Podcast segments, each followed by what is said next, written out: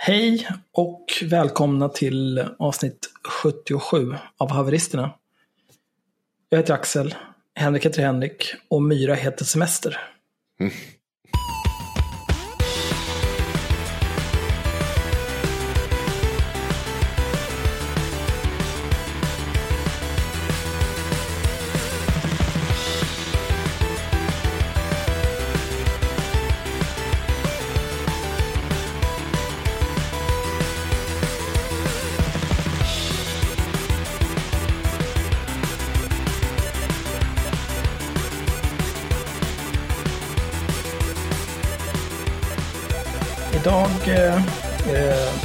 28 maj. Och eh, vi har olika typer av hot takes. Pang, pang, pang. Mm. Ett helt nytt koncept för oss. Att vi tycker olika typer av saker om olika typer av personer som vi tycker har betett sig som vadå? Ja, horungar oftast. det var, Antar jag. jag. Det var inte jag. Det var inte jag som sa det. Jag tar avstånd. Ta, ska du ta avstånd nu? Omedelbart. Under bussen. Ja, bra. Mm. Kvällens första horunge heter Kristoffer Dullny. det kör vi direkt. Vad har han, för, för, för, vad han gjort för att förära denna omnämning? Han, eh, för drygt två år sedan så var han på en demonstration med Alternativ för Sverige. Mm. Och mitt under demonstrationen när en av deras eh, riksdagskandidater, så himla gulligt sagt alltså. Mm. de hade en liten scen. Eh, det stod någon jävla tomte där och skulle hålla tal. Mm. Då gick det fram en tjej med ett plakat som det stod Karma is a bitch på. Eh, och så stod hon liksom på scenen typ. Kristoffer mm. Dullny var då en riktig hjälte och eh, som han själv beskriver det, jag agerar genom att neutralisera skylten. Det vill säga han går fram, sliter den ur händerna från den här tjejen och eh, bryter den i bitar. Mm. Uh, och det, det är ju coolt gjort. Mm. Ja, det, det, eh. det, är inte helt, det, det har ju hänt senare också att folk som supportar Alternativ för Sverige och är på deras demos ger sig på tjejer. Det var ju hon den här tjejen som plockade ner eh, mickstativet för en som stod och spelade. Hon fick väl någon spark i huvudet av den här stora tuffingen som stod på scen. Mm. Så Dullny är i gott sällskap av kvin kvinnomisshandlare och äckel. Och nazister framför allt. Ja, han var ju ivrigt eh, påhejad av övrig publik där. Av liksom, mm. olika typer av nazistiska kromosommiljardärer. Mm. Eh, men det som är kul med det här, det är att Kristoffer, han, han blev ju dömd i, hov, i tingsrätt först. Mm. Och nu har han blivit dömd i hovrätt också. Mm. Uh, självklart har jag, han ska ju överklaga till högsta domstolen givetvis. För det här är ett justitiemord utan dess like. Jävla sjuk i huvudet. Uh, men han skrev en, en tråd på Twitter den 30 mm. april. Då skriver han så här. Ska dra igenom rättsprocessen rörande det faktum att mitt ingripande mot en vänsterextrem motdemonstrant resulterat i ett två års långt ärende som slutade med att jag blev dömd för egenmäktigt förfarande den så kallade skyltförintelsen. Mm. Uh. Alltså det, du, kan inte, du kan inte hålla på och säga så här, uppfinna ord och sen säga att den så kallade. För det är, det är bara du som kallar det det. Det är ja. ingen annan människa som kallar det det. Du och din inneboende. Ja, just det. Oj, Karlafs Finspång. Den lilla mm. dvärgen. Ja. Eh, han fortsätter här. Händelsen ägde rum under ett torgmöte i Alternativ för Sveriges räkning 26 maj 2018. En kvinna rusar hastigt fram med en hemmagjord skylt där det står Karma is a bitch för att störa det tillståndsgivna mötet. Jag agerar genom att neutralisera skylten. Och då har han såklart, eftersom han är stenkorkad, så har han lagt upp video på det här. Mm. Uh, och, och, det är inte vilken video som helst, utan det är video när han går fram till den här kvinnan, rycker skylten ur händerna på henne. Och så har de lagt på vad, vad kidsen kallar för fashwave, som egentligen bara är dålig retrowave. Mm. Och så är det någon typ av speakerröst. Jag tänker inte lyssna för det är helt efterblivet. Det är för dumt. Mm. Eh, det var en kul händelse som fick lite spridning på nätet. Kvinnan uppger att hon, efter att ha blivit bortförd av poliser som, hon ans som anser att hon hindrar demokratin, fick tipset av en civilpolis att polisanmäla. Hon valde att anmäla först när hon såg att memer börjat spridas. Det är spännande hur Kristoffer Dullny vet varför polisen för bort henne. Ja. Uh, för jag menar, polisen har väl lite grann en, en tendens att ofta när det är folk som uh, demonstrerar mot den här typen av slödder så blir det de som blir bortplockade för att polisen är där för att se till att ingen blir skadad. Mm. Och om man tar bort de som riskerar att bli skadade, då blir ingen skadad. Och det är lättare att ta bort någon som riskerar att bli skadad än att ta bort en massa jävla retarderade nazister. Ja, I det här fallet var det ju en ensam kvinna som vågade gå fram och göra det här. Och det fanns ju en massa nazister där som ville henne illa. Ja, hon, hon var väl mer lätthanterad än liksom, jag vet inte, tre fotbollslag idioter. Mm. Eh, och då har han länkat en, en mem, som de kallar det. Mm. Och det här är, det är så många nivåer av dåligt, det här. Eh, jag kommer givetvis länka den här i avsnittsbeskrivningen, hela den här tråden, så kan ni titta på den här med mig själv. Men eh, för att beskriva den. Det är två bilder, en över den andra. På den övre så har de använt Streets of Rage som bakgrund. Ni som vet, ni vet.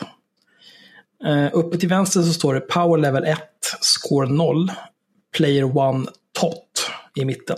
TOT är en försvenskning av THOT, som betyder eller som är en akronym för That Hoe Over There.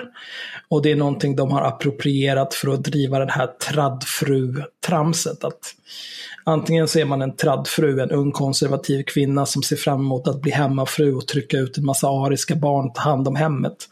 Eller så är man en tott som eh, röstar vänster, dricker rödvin och eh, åker kukkarusellen varje chans man får. Mm.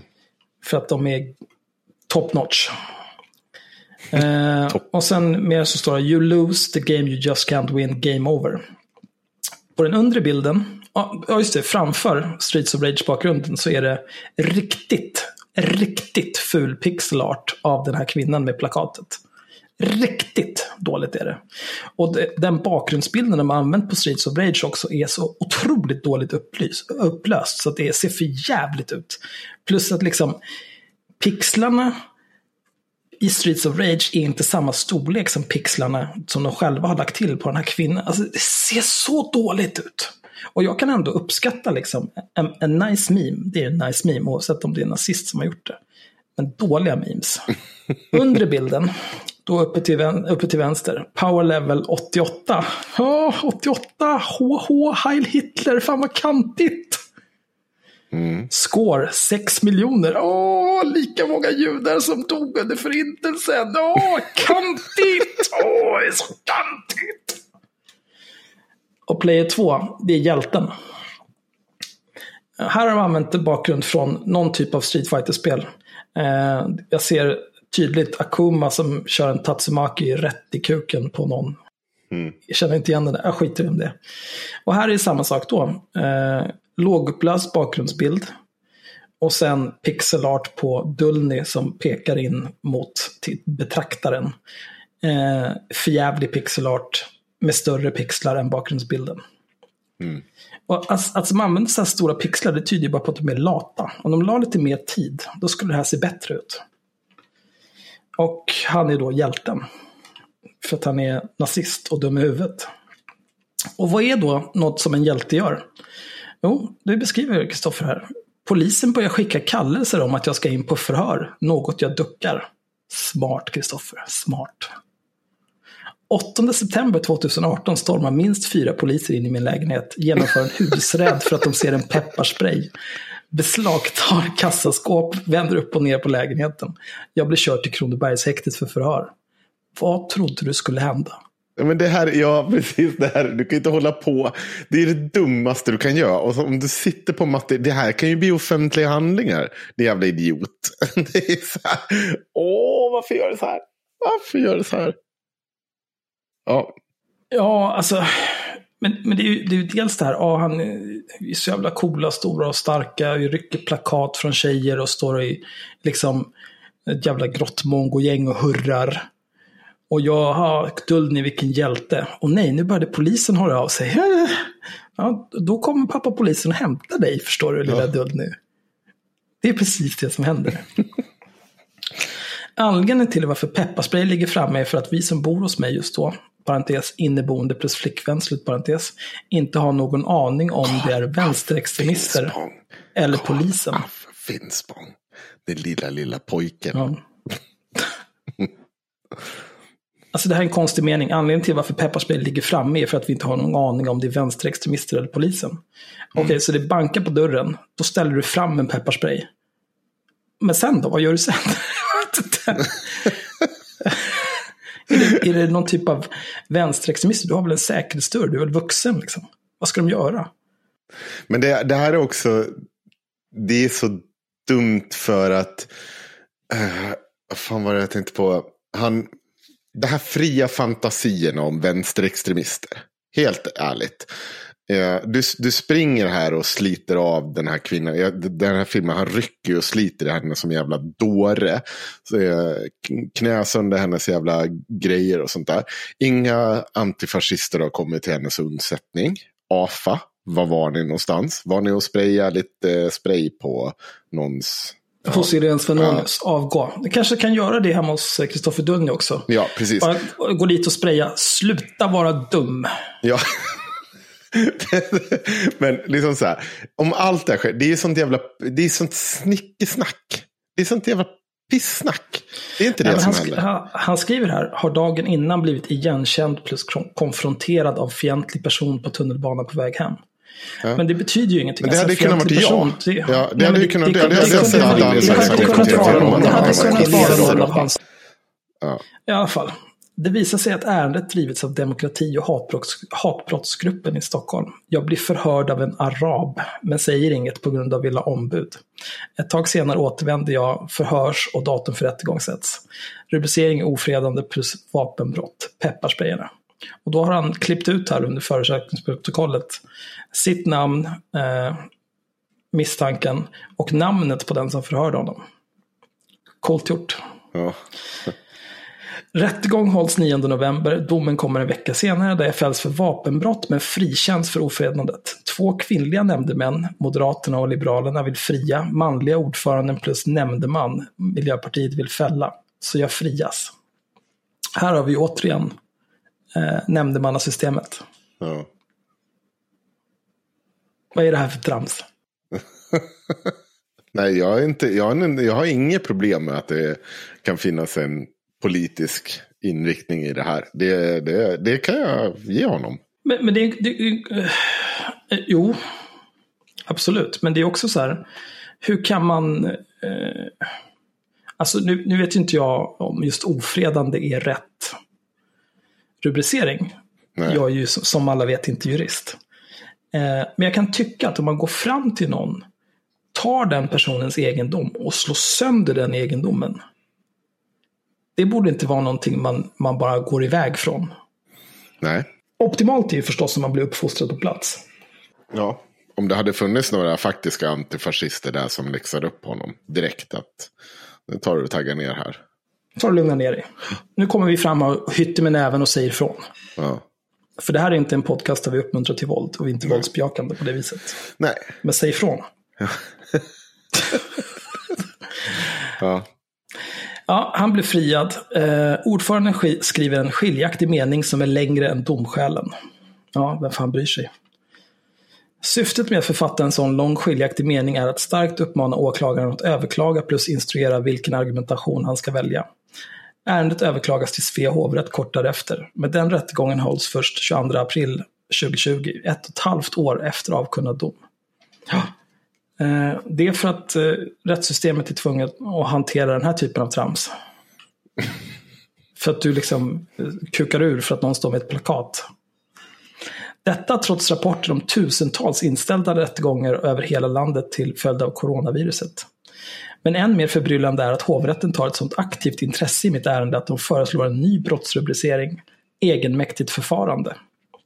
Det är väl inte eh, jättekonstigt att eh, rätten ändrar rubricering? Tyckte nästan att det lät lite konstigt. Men det, det, jag tror så här att det har funnits med alternativt eh, eh, egenmäktigt förfarande i för jag tror inte att hovrätten kan gå in och bara ändra om det. Utan det måste ha funnits med från början. Men det är, väl, det är väl åklagaren som säger typ ja, den här personen bör dömas för, för det här och det här. Alternativt det här och det här. Ja, precis. Eh, men det måste ju ha funnits med. För att det kan ju inte komma in sen. Att i, när du överklagar, för då överklagar du domen och de, eh, alltså det ja, man har ställt fram. Han har lagt till ett screenshot här. För kännedom i ovanstående mål. Hovrätten har för avsikt att vid huvudförhandlingen ta upp frågan om den av åklagaren angivna gärningsbeskrivningen omfattar egenmäktigt förfarande. Ja, okej. Okay. Mm. Ja, men det är, det är en helt annan sak. Nej, i och för sig. Nej, i för sig. Mm, nej, det är hovrätten som vill ändra till egenmäktigt förfarande. Får, vi får ge honom rätt här. Ja. För åklagaren har, har gett en gärningsbeskrivning. Ja. Ja, ja okej. Okay. Ja. Vi, vi, kan ge honom det. Det, det ja. bjuder vi så gärna på. Mm. Nu kan rätten göra det, detta ex officio, på eget initiativ. Men slår man samman hela den process så kan man se att, ett, att rättsväsendet lagt mycket stora resurser och tid på ett ärende som rent materiellt är ett skitärende. Mindre tid har lagts på många skjutmord senaste åren. Mm. Det är precis så det funkar. Precis så funkar det. Precis så, exakt så funkar det. Det är att när det väl har gått, då, då kostar, alltså det är ju så ett rättssamhälle funkar. Att när det väl finns bevis, alltså så här, du kan inte bara, nej, äh, nej, nej men nu kan vi inte, vi kan inte köra mer på det här. Det är inte så det funkar. Nej, men då faller ju rättssystemet. Ja. Om, eller liksom rättsstaten faller ju om det blir så att vissa brott kan man begå utan att riskera någonting. Ja. Det är väl, är det inte det skrönan är att det är därför det inte är olagligt att gå mot röd gubbe längre? För att ingen brydde sig. Mm, det vet jag inte. Jag har hört väl... att det är inte olagligt att gå mot röd gubbe. Det är väl fortfarande, det är fortfarande. Det, det är bötesbrott. Ja, jag vet inte. Jag säger, det är därför jag säger skröna. Ja. Men det handlar ju om att liksom, folk ska ha respekt för rättssystemet. Mm. Och då liksom, det är, det är lite magstarkt att sitta och grina om att ah, de har lagt så mycket pengar på det här. Jaha, att gå mot röd gubbe är olagligt men inte straffbart. Mm. Ja. Mm. Men det, om, han hade ju kunnat dyka upp på förhör. Mm. Eh, då hade han ju säkert blivit erbjuden någon typ av straffföreläggande. Och så hade det här varit i världen. Om det nu är viktigt för honom att spara på skattebetalarnas pengar. Men det är det ju inte. Det är bara viktigt för honom att vara en pajas. Mm. Domen från Svea hovrätt faller den 29 april. Jag blir dömd för egenmäktigt förfarande. De passar dessutom på att höja dagsböterna trots ett mindre allvarligt brott. Några av våra starkaste invändningar, samtycke, avfärdas med en mening. Vi väljer att överklaga till HD. Och nu, jag kommer inte ihåg vad den andra grejen de grinade om var, men samtycke, de menade då att hon genom att vara där hade samtyckt till att det kunde bli så här. Typ. Uh, ja, jag vet inte vad man ska säga om det. Men uh, avslutningsvis, han blev dömd till eh, Kristoffer uh, Dullny döms enligt 8 kapitlet 8 paragrafen första stycket brottsbalken för egenmäktigt förfarande den 26 maj 2018. Ehm, det var den första, vad är den andra? Jag vill ju ha den, den roliga. Det är det här, vet du hur mycket skatt du betalade förra året Henrik? Nej. Det är det här det går till. alltså nu gnäller du också på hur, ja. Det är klart det jo, men, men det finns ju en viss skillnad liksom. Eh, jag kommer till det sen. Men känns det inte bra att du och Danny delar erfarenhet att båda blivit utsatta över ett ofantligt rättsövergrepp just nu då? Jo, men det finns ju också en viss skillnad liksom för att Eh, äh. Dels, jag, jag tjänar really? ju pengar. För att jag, nej men så här. ja, okay. finns, eh, den stora skillnaden här. Jag tjänar ju pengar, jag har ju ett jobb. Eh, mina, ja. dagsböter, mina dagsböter kostade 380 spänn styck. Vad mm. tror du Dullnys kostade? Ja, berätta. 50 spänn. För att han är en samhällsparasit. Jo, fast fortfarande. Alltså själva brottet är ju basically detsamma. Ja, visst, det är ju trams. Jag kan också tycka att det är trams det här med Dullny. eh, och vill jag minnas rätt så tyckte han att det var trams också att jag blev dömd. Det tror jag har för mig att han skrev på Twitter. Men det, det, det intressanta är ju liksom hur man hanterar det. Uh. Jag, en samhällsbärare, jag, jag degade mina böter, gick vidare med livet. Likgiltig. 26 600 plus 800 till Brottsofferfonden. Den här jävla clownen ska betala 5 000. Och så har han lite rättegångskostnader. Vad skriver han om det? Ja, han ska swisha. Jag har i och med denna fällande dom dragit på mig rättegångskostnader plus böter på tiotusentals kronor.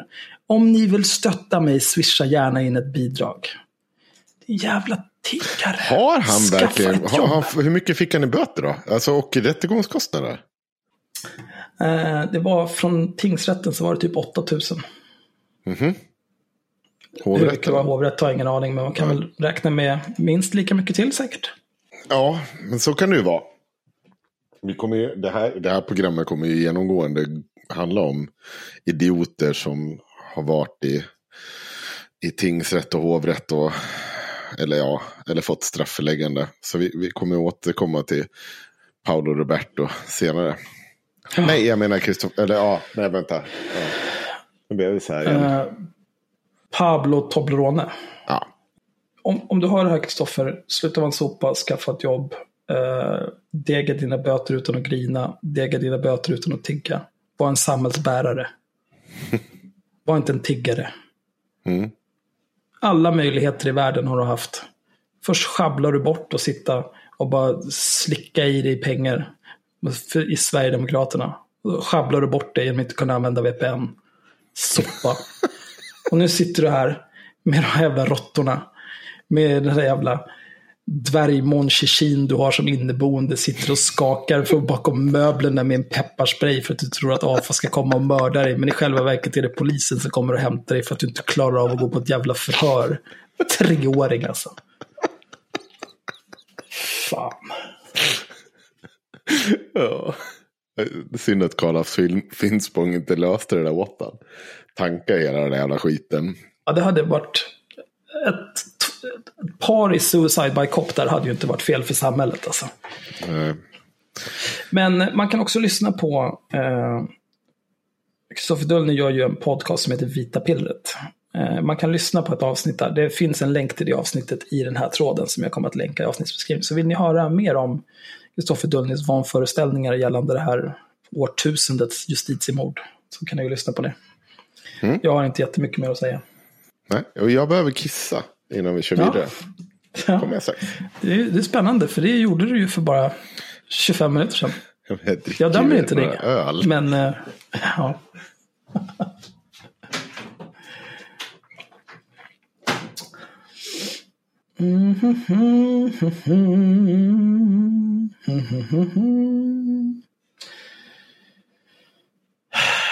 Dullny blev dömd till 80 dagsböter av 50 kronor i tingsrätt.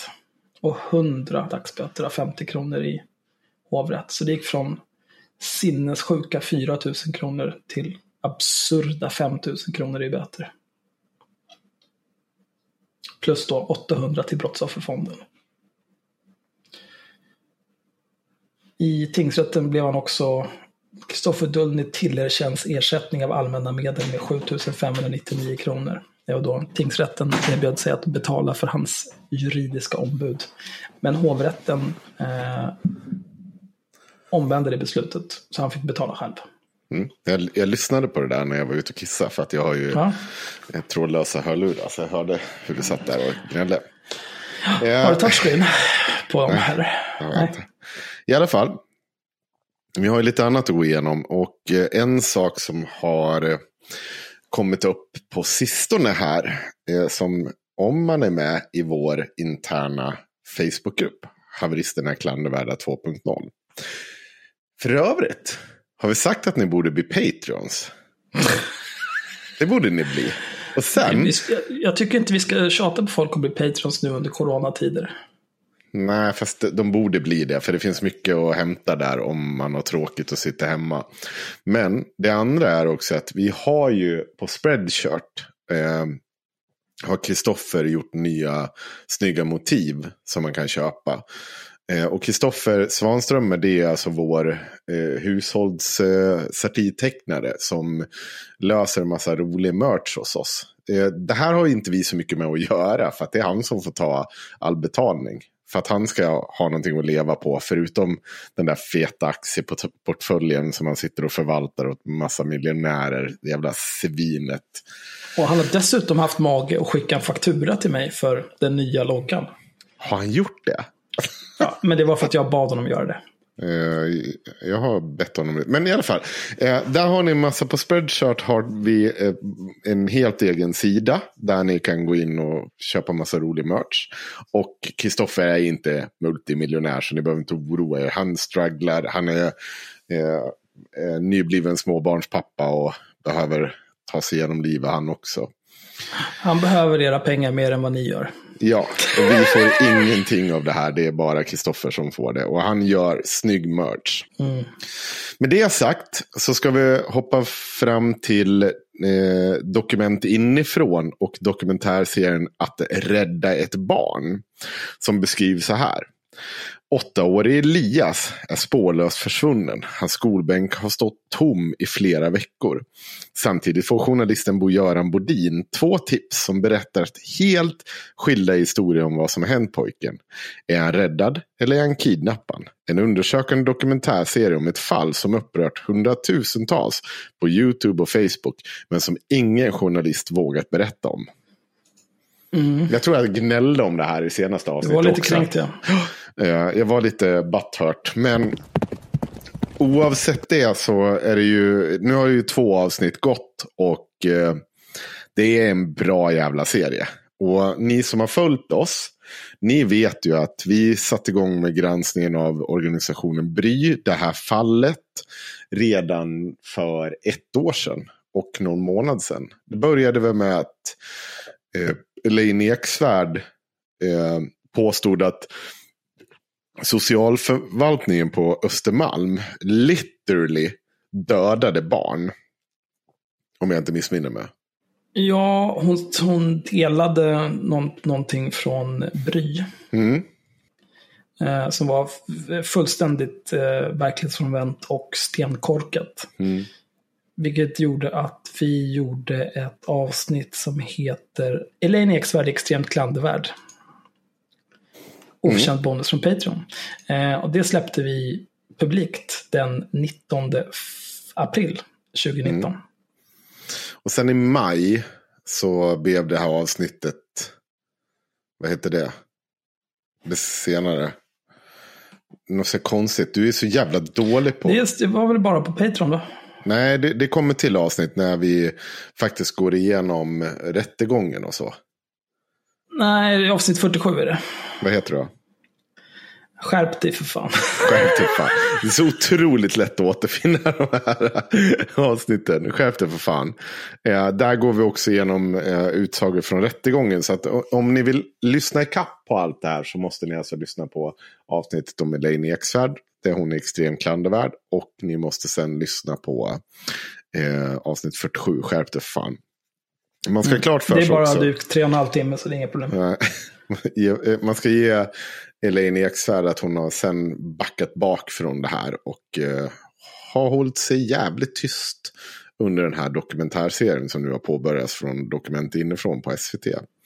Mm. Uh, Fast innan, jag vidhåller. Elaine Eksvärd återpublicerade ju och spred all den här korkade skiten som mm. Agneta Bravelius på Bry eh, i princip har fantiserat ihop. Till, mm. Ja, hon har inte fantiserat ihop det ensam. Det finns ju en hel del andra spelare i det här. Mm. Men om man som Elaine Eksvärd har 100 000 följare på Instagram. Då kan man inte bara sprida vilken skit som helst. Bara för att det kommer från någon man tycker gör ett bra jobb. Gör lite, lite research. Alternativt, ännu bättre, lägg dig inte i vad som uppenbarligen är en vansinnigt infekterad vårdnadstvist som du inte har någon som helst insyn i. Jag kan, jag kan säga en sak, eh, hur jag upptäckte att det här var dumt, förutom att jag tyckte då vid då tillfället tyckte att Elaine Eksvärd var korkad och bara spred vilken skit som helst. Eh, det var att där och då så går jag in och lyssnar på ett YouTube-klipp som Bry hade lagt upp. Och som påstods bevisa att då den här mamman hade rätt.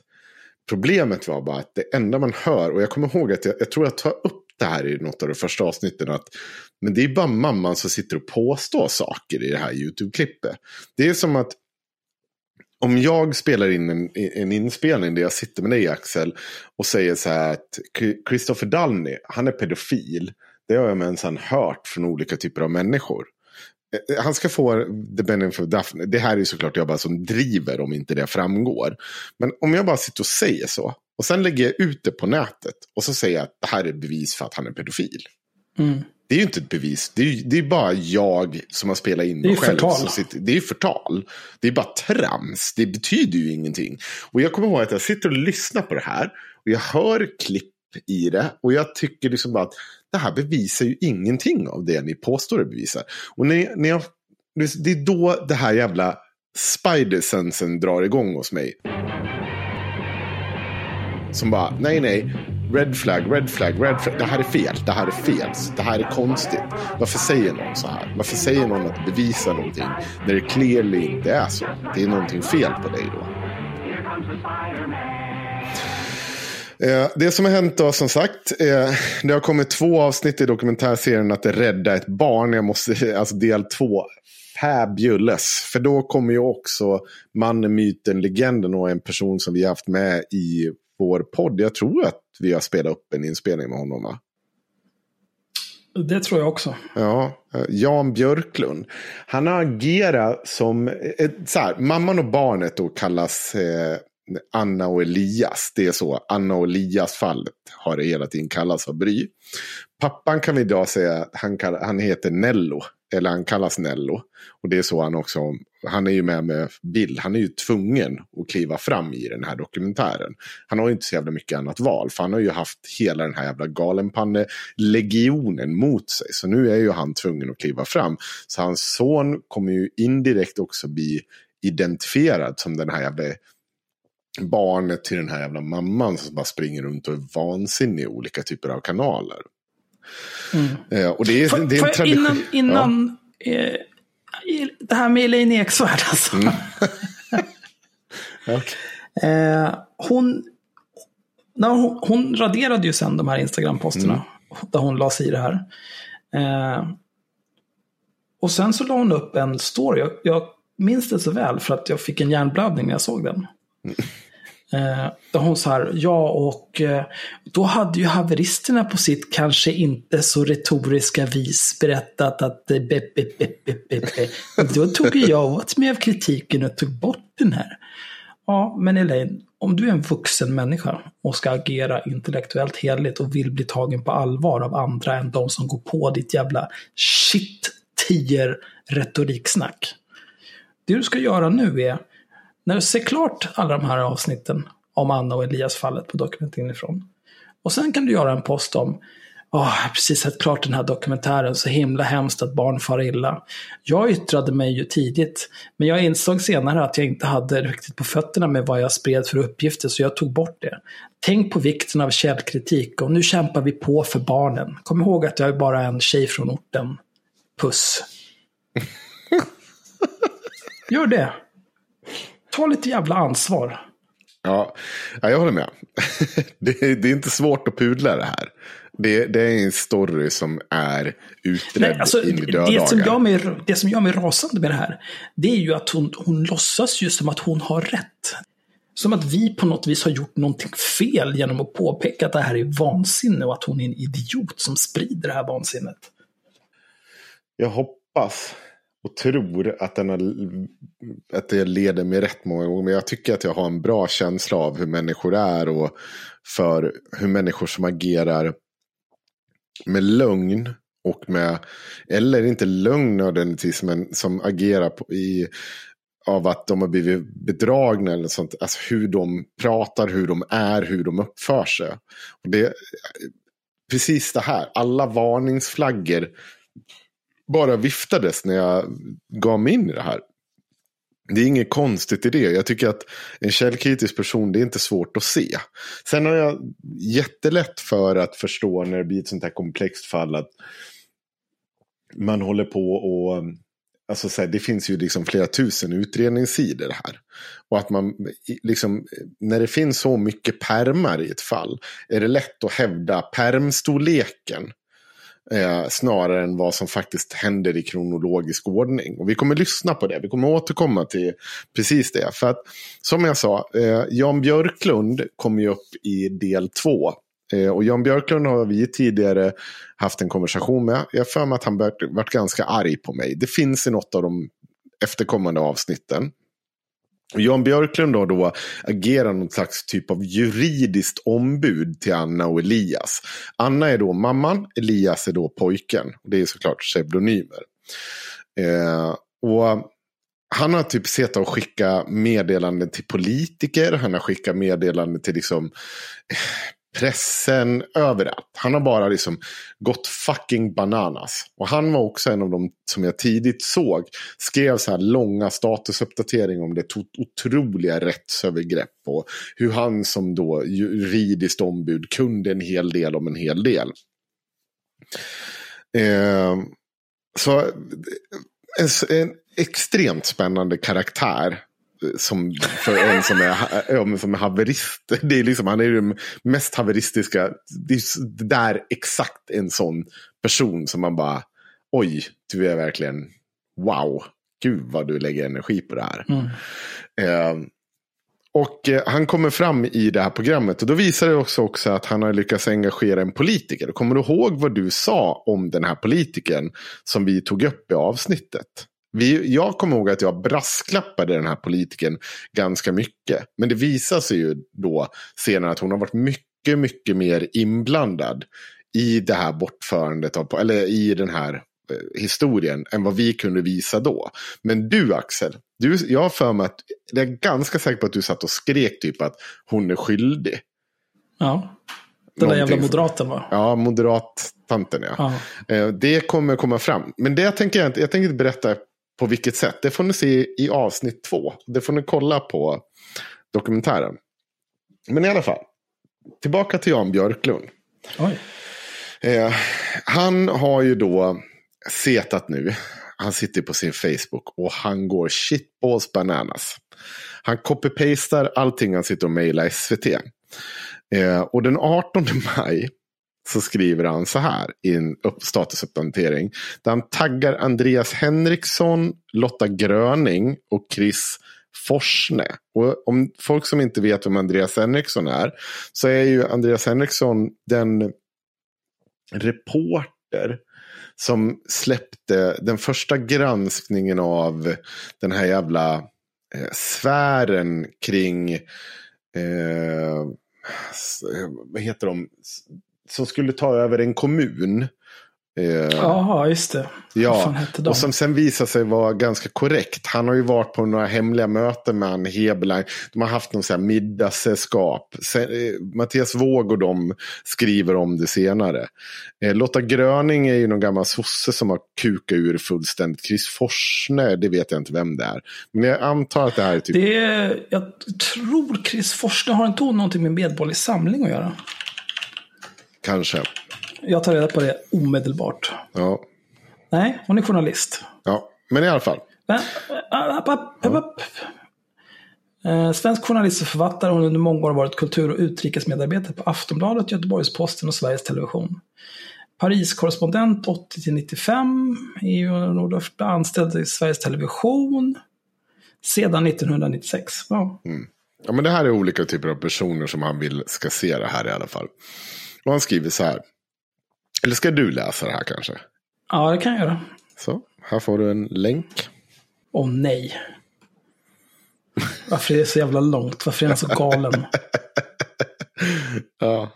Men jag tror att vi kan försöka hålla oss ifrån kanske, om det inte är stora övergrepp på språket så kan du väl, så att vi inte tar oss igenom det här. Ja, ja vi försöker. Mm. Ja, han har då taggat de här tre personerna. Eh, och här. skriver han en kommentar. Dokusåpan om SVTs dokusåpa fortsätter. Wow, vilken korkad mening. Här är min senaste mejlutväxling, inte mejlväxling, med Johan Brånstad. CC Hanna Stjärne med flera. Och här kommer då mejlet. Bäste Johan Brånstad. Jo, exakt den möjligheten, replik i direktsändning, finns och är i själva verket den enda rimliga, givet förutsättningen här. Jag ber att citera vad Myndigheten för press, radio och tv säger om opartiskhet gällande public service-företagen. Att vara opartisk är att ha ett neutralt förhållningssätt till något utan att blanda in vinklade åsikter. För en programverksamhet innebär opartiskhet i huvudsak tre saker. Om någon blir klart utpekad och kritiserad ska denna få möjlighet att bemöta kritiken. Kontroversiella ämnen eller händelser får inte behandlas på ett ensidigt sätt. Fan, där faller vi. Mm. En representant för programföretaget får inte ta ställning i en kontroversiell fråga. Okej, där också. Men en av tre, det är okej. Mm. Här har samtliga dessa regler brutits på ett övertydligt sätt. 1. Jag blev vilseledd av Bo-Göran Bodin beträffande programidén. Han presenterade i början av 2019 ett projekt som skulle vara en uppföljning till hans tidigare reportage om socialtjänsten. Vi gjorde långa tagningar tillsammans med min kollega och i Stadshuset med diskussioner om socialtjänstens arbetsmetoder. Jag översände en liten del av de synnerligen omfattande texter som finns i ärendet. Av ren samarbetsvilja lät jag fotografen göra de tagningar av mig utanför Svea hovrätt som han bad mig om. En miljö där jag normalt inte brukar befinna mig. Ja, vem bryr sig? Först i april började det stå klart att programidén var en annan. I ett telefonsamtal med Bo-Göran Bodin kom diverse påståenden om att jag skulle ha vilselett folk och att jag skulle utge mig för att vara någon slags jurist eller advokat. jag ska vara helt klar. Jag är filosofie licentiat i statsvetenskap och påstår aldrig någonsin något annat. Det där har vi pratat om förut. Mm. Hans eh, utbildningskomplex. Ja jag, ja, jag kommer fråga honom om det sen. Jag vet inte om vi kommer gå in på det, men det, det är inte relevant. Men, ja. Nej, det är så fint att jag får kommentera att han har ett utbildningskomplex. Och sen mm. direkt efter skriver han så här. Det är dessutom en högre examen på forskarnivå. jag har ingen anledning att använda mig av lägre lånta fjädrar. Herregud alltså. Och här kommer det in en annan aspekt. Genom min bakgrund som forskare i offentlig förvaltning och mina erfarenheter av utvärderingar för internationella organisationer och för svenska regeringen kan jag tänkas ha större kompetens än Bo-Göran Bodin att läsa offentligt material och se sammanhangen. Han har återkopplat på ett överraskande sätt, trots att han är grävande journalist. Jag har förstått att det till och med finns en utbredd uppfattning i journalistkretsar att man ska akta sig för vårdnadstvister därför att det leder till slaskjournalistik. Att jag gick med på att delta i programmet berodde på att hans presenterade programidé och hans tidigare produktioner, där han grävt djupt i myndigheternas agerande. Det Bo-Göran nu tycks ha åstadkommit visar alla tecken på att vara ett totalhaveri. Redan avsnittsrubrikerna visar att dokumentärserien är ett slags dokusåpa om lustiga, löjliga människor.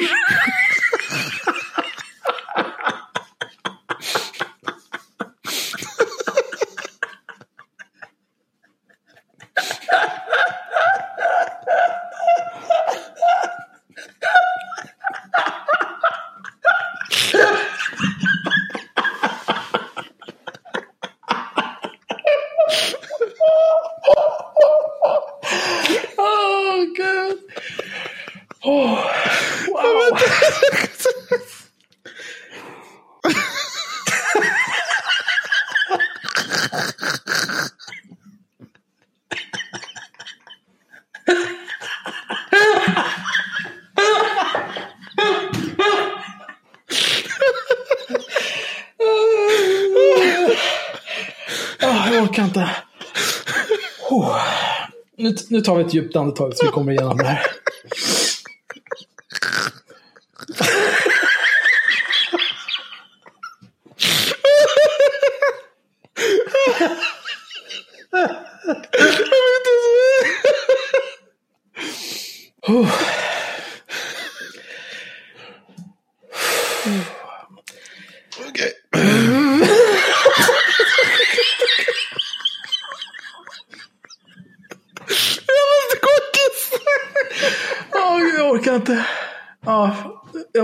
Försöker samman här så länge.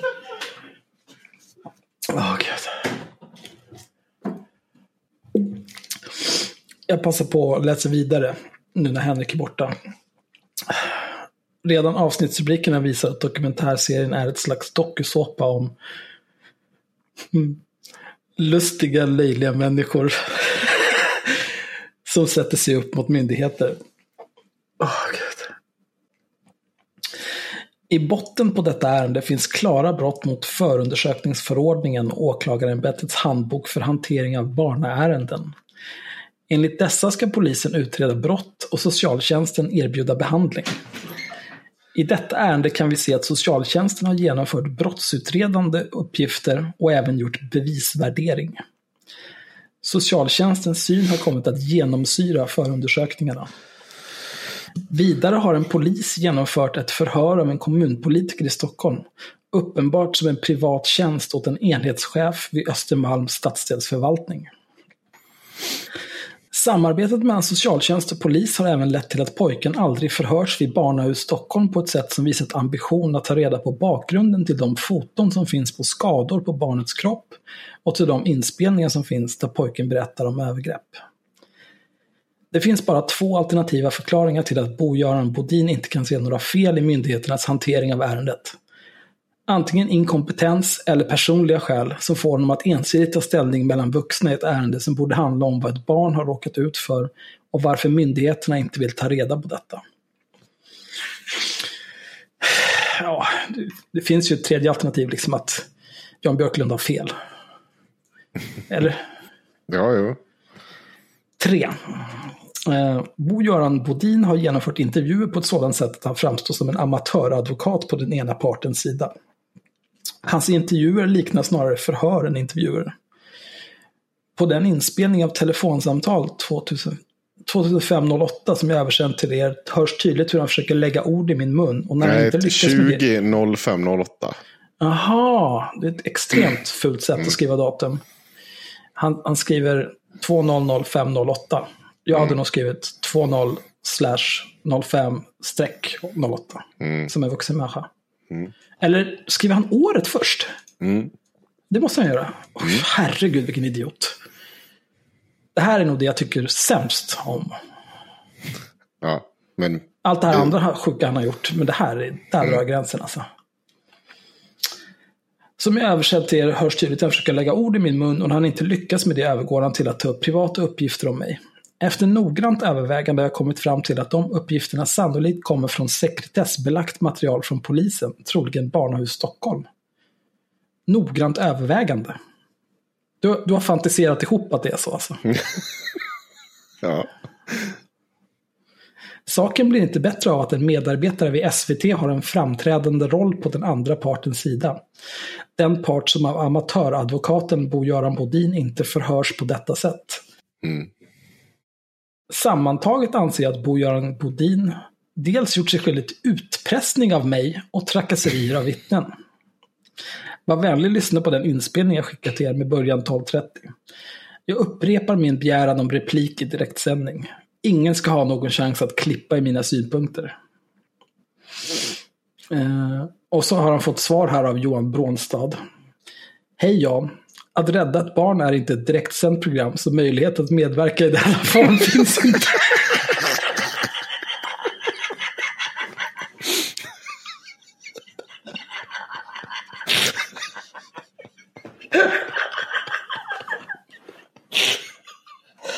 Åh, så jävla ägt! Åh, gud. Åh, wow alltså. Det där kan inte kännas bra att få det svaret. Ja, och sen har han skickat till någon, någon typ av jurist. Ja, vi, vi kan, vi Det- kan, det känns inte intressant. Nej, det, vi kan släppa det. Men, ja, så att, och så här håller det på om och om igen. Jag tror jag har hur många flikar uppe som helst där han bara fortsätter kräva liksom så här, olika typer av eh, direktsända repliker. Att, eh, ja, att det inte funkar. Men eh, jag tänkte, när jag såg det där, för det är ju precis den här typen av påståenden som de hela tiden kommer att dras med. Eh, just det här med att eh, ja, men jag har blivit utsatt för utpressning och vad var det stod? Ja, det är trakasserier och Utpressning och all, trakasserier allt av vittnen. Ja, precis. Ja. Superspännande. Så jag ringde upp eh, Jan Björklund och så bad honom att få ta del av den här inspelningen. Ja, Henrik på haveristerna. Hej! Precis. Du, eh, jag såg att du sa att du hade flera timmar inspelat material med en journalist som bland annat skulle ha hotat dig. Nej, ja, nej, nej, nej. Eller utpressat. Nej, ja, nu, nu är vi inne på, på rätt, rätt spår. Ja, jag, jag säger att han har, eh, som jag bedömer det, eh, utövat utpressning. Okej. Okay. På vilket sätt? Uh, hur, hur, pass, uh, hur pass insatt är du i det här? Ja, det vet du. Jag har ju, vi har gjort, uh, vi har gjort ganska omfattande uh, vad heter det, reportage om det här. Ja, jag, jag menar, så du, du vet att det handlar om Anna och Elias-ärendet? Ja. Ja, bra. Och är du, är du i kontakt med Bo-Göran? Alltså journalisten? Ja. Nej, inte... Nej, det kan jag inte säga att det är. Jag ska, jag ska säga en sak till dig, för det, det här, är, det här är ganska viktigt. Eh, jag var eh, ganska sur på er när ni höll på med det där, för jag tyckte ni gav er på folk som liksom mer, mer eller mindre av en händelse råkat hamna i svåra situationer. Och jag tyckte, gillar inte er, ert språk på er sida. Men jag vill säga, eh, jag ser en annan sak också. Jag tycker att du någonstans också har en seriös syn. Jag tycker nästan jag har sett på er sida att ni har skärpt er lite. Ni går på folk som är, ja, som är offentliga personer och som ni tycker är för uppblåsta. Mm -hmm. jag, jag, jag, jag, tycker att det, det ser ut som du har skärpt, du har skärpt jag tror du tänkte till lite där.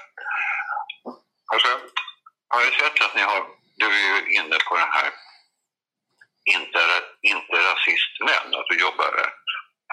Och det tycker jag är en gudi behaglig gärning.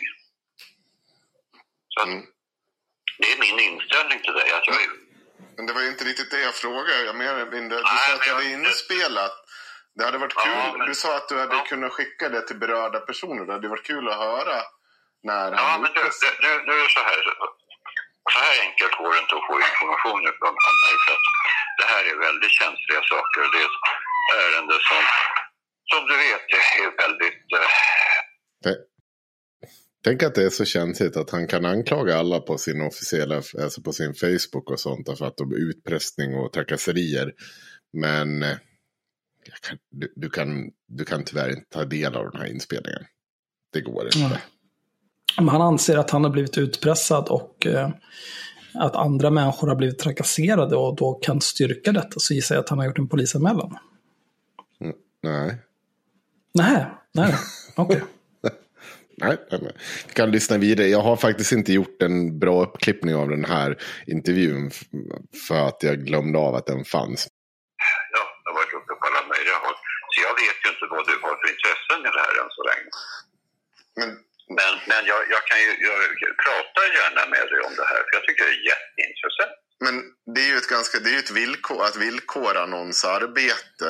Alltså, så Nej, jag, villkor, jag villkorar inte. Jag, jag, jag, har, jag, jag säger så här. Jag pratar gärna med dig om det här. Därför att jag tycker det är väldigt spännande. Också spännande rent journalistiskt. Därför att det, det blir en dokusåpa om en dokusåpa. Först så gör SVT av ett allvarligt ärende, någon jävla dokusåpa.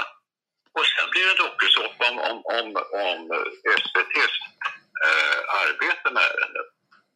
Det, det, är så, det är så oseriöst, det liknar ingenting. Men hur, då måste jag ju fråga, hur, hur seriöst var det eh, att ställa upp i sådana här obskyra podcast tillsammans med personer som påstår att världen styrs av ödlor? Dessa jävla, dessa jävla rymdödlor. Alltså, det kryper över, hela kroppen på mig när, när, när jag bara hör om dem. Men jag, jag kan bara säga så här. Jag var inte riktigt medveten om alla dessa förbannade ödlor när, när, när jag var med i den där podcasten. Men nu till exempel nyligen så har jag jag hade två texter inne på DN. Och... Alltså. Ja, vi för mig att det var det jag tog upp med honom sist också. Jag har inte kollat upp det. Eh, men det viktiga var ju inte just det här att eh, han, han, kontentan är att han vill absolut inte ge mig den här inspelningen. Eh, det som bevisar att den finns en inspelning som bevisar att han har blivit utpressad. Absolut. Absolut. Så är det. Så. Men han, han vill bara inte ge mig den. För den är alltså, jag, jag skulle ha full förståelse för att han inte vill ge den till dig. Men eh, att sitta och, liksom och, och, och rättshaverera och, och, post, och sitta och mejla till hundra miljoner människor och kräva en massa saker och påstå en massa saker och sen posta det publikt på Facebook. Om det här nu har hänt, gör bara en polisanmälan. Väx upp. Ja, så, så är det. Men det är också så att eh, precis som Jan Björklund alltid jobbar med olika typer av grejer som händer så, så är ju han den typen av person som påstår att det vi pratar om nu i den här alltså säg, när jag ringer upp honom, det är liksom typ bevis för att saker och ting har hänt. Eh, däribland att han påstår saker till mig det blir som ett faktiskt bevis för att de sakerna har hänt. Så att han har ju, skickat, han har ju spelat in vårt samtal. Ni vet, som jag alltid spelar in våra samtal. Så han skickar runt det till hela SVT. Som någon typ av bevis på att olika typer av saker har hänt. så, och, och, det väcker ju upp känslor. Så att jag eh, har ju fått in, bli tvungen att intervjua eh, då Bo-Göran, han som har gjort den här dokumentären.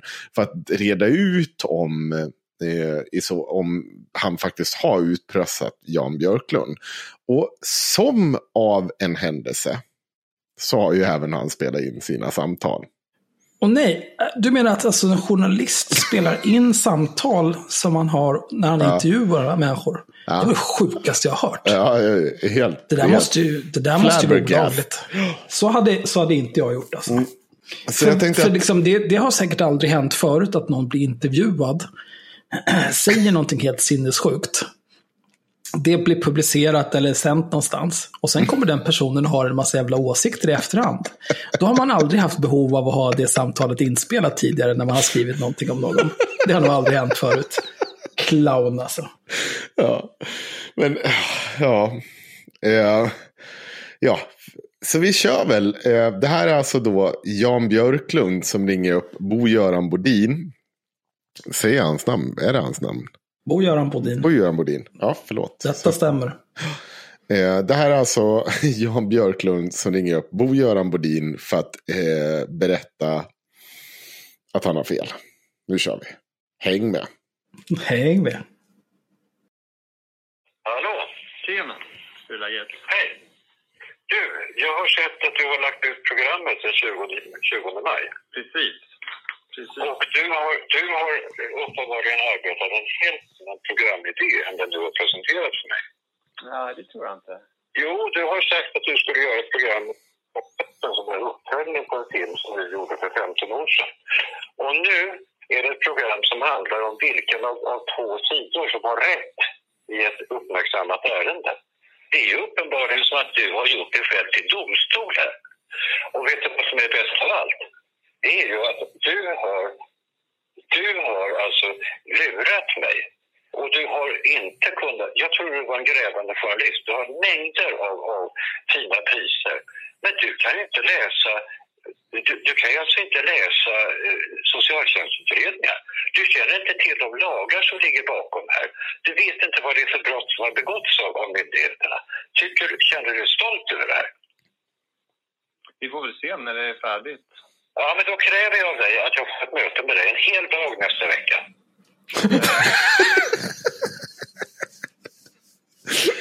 en, en hel dag? Ja. Va? En hel dag. Ska Till vilken möte. nytta? Ja, det kommer jag att förklara för dig. Det kommer inte, jag har inte tid att träffa kom, du, du har inte tid, men du har, du har jävlar i med tid att köra över en stackars liten pojke som har blivit överkörd av socialtjänst och tystad. Tystad av socialtjänst och polis ett flertal gånger. Han har aldrig fått berätta sin historia. Nu ställer du dig på myndigheternas sida för du ska köra över den här killen en gång till om jag hade vetat vad det var för programidé så hade jag haft en möjlighet att, göra, att välja. Och hade jag vetat vad det var för programidé så hade jag kunnat lägga upp argumentationen på ett helt annat sätt. Jag har hört dina frågor. Du har så fel i så många, många frågor. Det är så mycket du inte har fattat. Du har, du har ju uppenbarligen inte kunnat läsa den här utredningen. Du, har inte kunnat, du känner inte till lagarna som ligger bakom. Det här blir inte någon guldspade för dig. Det blir möjligen årets bottennapp. Du har inte funderat, Jan, kring att, att så många utredare som jobbar med det här professionellt, eh, domare, andra, kommer till en helt annan slutsats än dig? Jag har inte, nej, jag har förklarat det här för dig. Jag har förklarat det jättebra. Ja, eh, och det man ska tillägga här nu, för att det här var ju någonting som även kom fram när vi höll på med det här från första början. Det är att och, och, som gör folk så extremt osäkra när det är ett sånt här stort fall. Det är ju att alltså det är 20 personer som har utrett det här av, av olika valörer.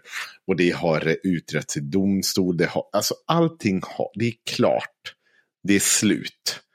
Det, finns, det är så genomsynat alltså det här fallet. Det är inte att diskutera. Atsub, en annan organisation som jobbar just med utsatta barn och sånt, de dömer ut det som skräp. Domstolen dömer ut det som skräp. Eh, allt från eh, socialtjänst till polis, man utreder det och det bara fortsätter. För mamman bara springer runt som en totalt bindgalen människa. Och har fått med sig sådana här personer som Jan Björklund på tåget. Som bara fortsätter driva, driva, driva. Det, det, tar liksom aldrig slut. Och så hävdar de att de gör det för grabbens bästa. Vilket är snickesnack vid det här laget. De har tunnelseende. Jag tror inte att alla gör det här av liksom som illvilja. illvilja. Men de har totalt tunnelseende. De kan liksom inte ta sig ur det här. Nej, alltså om, om den här morsan var intresserad av, av barnets bästa, då skulle hon väl sluta ljuga om hans farsa. Sluta ja. hitta på övergrepp och, och, och, komma överens bara om någon typ av vårdnad. Ja, eh, det är så. Men det, kommer fort, det fortsätter. Eh, visst, nu kommer vi hoppa in lite. Jag har lite dåligt att träffa eh, minuterna här. Men, men, eller sekunderna menar jag när jag ska spela upp. Men det kommer komma in här mordet och andra, andra ärenden. Du har, du har gjort fantastiska grävande reportage om myndigheter som har skytt över dödsfall och annat. Du, du är ju en, en etablerad grävande journalist. Men här har du uppenbarligen misslyckats med grävande. Och jag ska berätta en sak för dig. Därför att jag är i princip kollega med dig. Därför att jag gräver. Jag gräver så in i helvete ända ner till botten. Och jag Så skönt. Jag är, jag är kollega med dig. Jo, men han, han har ju eh, en filosofie licentiat. Mm. Det är på forskarnivå, förstår du. Jag har en bakgrund som civilis i statsvetenskap i offentlig förvaltning. Jag har jobbat för... Vad sa han för någonting? Att han har en filosofi i statsvetenskap. Han är ju besatt vid den där skiten alltså. Ja, vi kör på. Regeringen, jag har jobbat för FN-organisationer. Gjort utvärderingar. Jag gjorde en utvärdering av, av statsministern Göran Persson en gång i tiden. När han höll på alla ett ärende. Jag kan det här jobbet bra jag också. Och Han kan en hel del om en hel del. Jag säga att du har missat själva poängen. Och du, det finns alltså förundersökningskungörelsen, det finns åklagarämbetets instruktion för hur man ska hantera barnärenden. Jag kan visa dig på punkt efter punkt vad det är för grova fel som har gjorts här. Det är sannolikt tjänstefel och det är förvanskning av bevis. De får inte arbeta så här. Socialtjänsten får inte utföra förundersökningsuppgifter. Det är exakt vad Katarina Grossman har gjort. Hon har ställt frågan, har pojken, vad, vad är det som ligger bakom pojkens berättelse? Det är en polisuppgift. Men det där till exempel tog du upp flera gånger när vi såg där du hävdade då att förundersökningen lades ner för att Carina Grossman hade pratat med pojken på dagis. Tittar man på kronologin där så stämmer det ju inte. Förundersökningen är avslutad, då går hon till dagis. Du har, du har, missat, du har missat någonting. För då har du kanske missat kronologin här. Nej. Så där är det hela tiden. Han påstår att eh, det, det som, är det inte, har man inte tittat på kronologi, det är alltid någonting som är fel hos den andra. Ja, och det spelar ingen roll hur många det är som säger samma sak. Han, han kommer alltid till samma slutsats. Den här ungen är men, på något men det där måste ju vara enkelt att kolla liksom. Ja, men det har ju Bo-Göran gjort. Ja, men då förstår jag Ja. inte hur, hur, hur kan man vara så vansinnig att man käftar emot? För att om du lever i den värld där att allting, alltså så här, har du bestämt dig för det här, då är det så. Du måste bara sätta dig in i det. Men det är ju inte ett normalt beteende. Nej, nej, det är absolut inte ett normalt beteende. Det är, äh, han är så, han är så extremt speciell. Extremt speciell är han. Men vi kommer komma precis nu till varför, när allt verkligen klappar igenom. Och det är just det här som handlar om att när han har blivit utsatt för det här äh, utpressningsförsöket av Bo-Göran. Men jag tänker att jag behöver gå och kissa först. jag vet inte. helt jag- sjukt.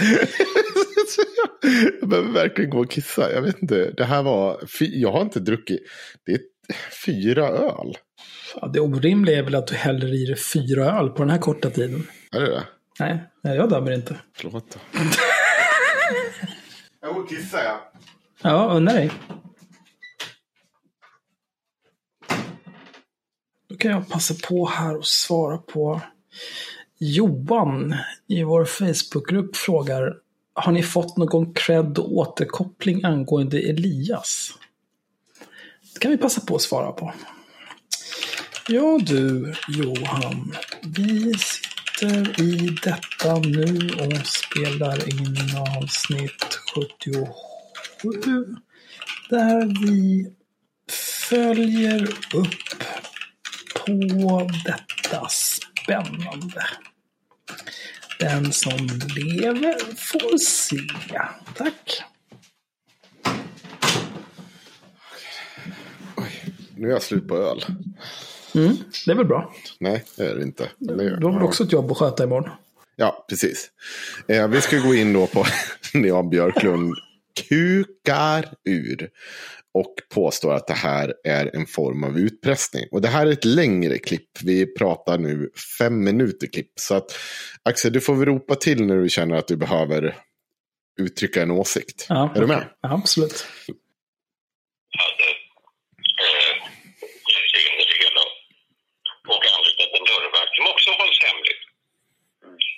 Så att du har alltså ett, ett, ett, ett skop Alltså, jag, jag, tänker, hur jag tänker... hur- hur socialtjänst och polis har, har gått ihop på ett sätt som bryter mot alla lagar och regler.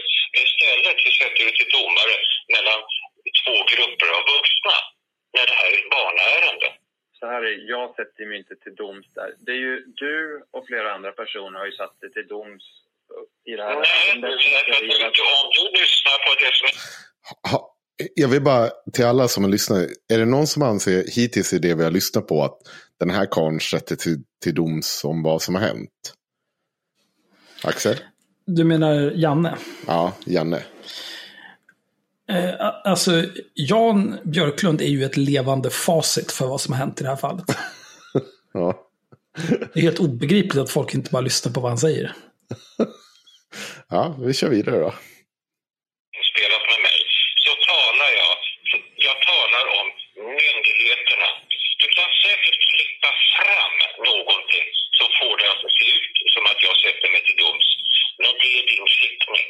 För det mesta jag talar om det är myndigheternas Du hanteringsvägar. Pratar ju, du pratar ju om hur myndigheterna eh, eh, blundar för övergrepp och så vidare. Du har jättemånga... Nej, de blundar inte. De, de tar bort övergreppen. De kör över pojken Ja. medvetet. Ja. Så att myndigheterna blundar för att det har skett övergrepp. Då har han ju alltså satt sig till vad man säger till doms över vad som har hänt. Jag vill inte Ja, vara men han den som han på... vet ju hur det går till. Men, men det är Bo-Göran här som sätter sig till doms. Absolut. Ska, absolut. ska dock tilläggas att Bo-Göran i dokumentären är ju ganska tydlig i vad han, eh, vad han har funnit. Och att det inte lutar till mammans fördel. Det får man ju ge Jan Björklund till viss del. Men Det är ju inte så att Jan Men- Björklund... Nej, men det går väl att göra på ett sätt som är i linje med de eh, SVTs direktiv och så vidare. Ja, jo, självklart. Jag, jag kan villigt erkänna att jag har bara sett 20 minuter av första avsnittet för att jag fick så otroligt många hjärnblödningar av det. Du ska se alla. Det, det får du fan Ja, ta dig tid fan att göra. se alltså. Men nu kör vi. Man blir ju så förbannad. Alltså, Ja, jag vet. jag blir, man, man blir ju arg när man ser att folk som är spritt språngande vansinniga springer runt i samhället och bara fördärvar för andra. Ja. Man blir ju så jävla förbannad av sånt där. Och de där, över, och de där övergreppen då? Du, de där övergreppen, du sätter inte till doms då menar du? Vad sa du? När du säger att det har skett övergrepp, du sätter inte till doms då? Du, nu, nu håller du på på att mär- märka ord här. jag tänkte, jag jag tänkte Jan på, på de grunderna som du säger att den där pappan eh, har gjort saker här. Jag menar, jag har, ju läst, jag har läst utredningar som handlar om dig, hur din exfru hävdar att du har misshandlat henne och sådana saker. Vad sa du? Min exfru har... Nej, det här är jättekul.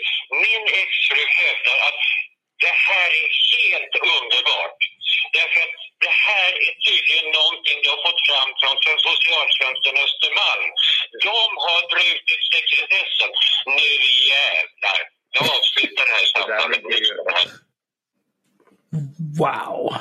På frågan, tror du att det finns nio minuter till av det här samtalet? Eller att han faktiskt avslutar det här samtalet nu? Det skulle inte förvåna mig om det fanns 43 timmar till av det här samtalet. Men Ja.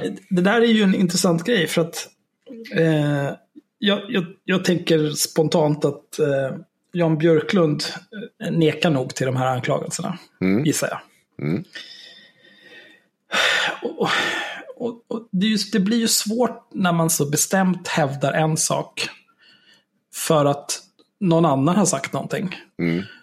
Och sen så är man liksom själv framstår som klandervärd i en annan situation där någon annan har sagt någonting om en. Då får man ju välja liksom, räcker det att en person har sagt någonting för att det ska vara sant? Eller gör det inte det? Nej, ja det är fullkomligt rimligt. Men eh, Jan, han är av en annan åsikt. Ja, det där finns, klart De är. det där finns ju i offentliga handlingar på tingsrätten. Ja, det var ju helt underbart att du har gjort en undersökning av Jan Björklund istället för, för av myndigheterna. Det var en Han, han är inte alls upprörd. grävande journalist. Ska du, du, ska du bli spinndoktor åt myndigheterna? Är det något mer du har lockat du har grävt fram om mig? Jag säger bara att, att om man utifrån liksom, eh, en, enskilda personers utsagor skulle dra, liksom, sätta sig till doms över människor så skulle man ju kunna säga samma sak om dig. Det är det enda jag säger. Jag hör precis vad du säger. Jag är djupt förbluffad över ditt sätt att, att, att, att arbeta. Men du, du, hade, du har ju vd på, på, på Näringslivets medieinstitut som har granskat dig. Han har dragit några slutsatser om vad du är för en. Kommer du ihåg den där professorn som du utpekade som brottsling? Du har tydligen en sån här stil, min käre vän. Och jag kan lova dig en sak, att jag låter mig inte skrämmas av någon skit som du gräver upp om mig. Har du hört vad, vad hertigen av Wellington sa när hans älskarinna hotade, hotade med att publicera hemliga brev? Han sa “Publish and be damned”.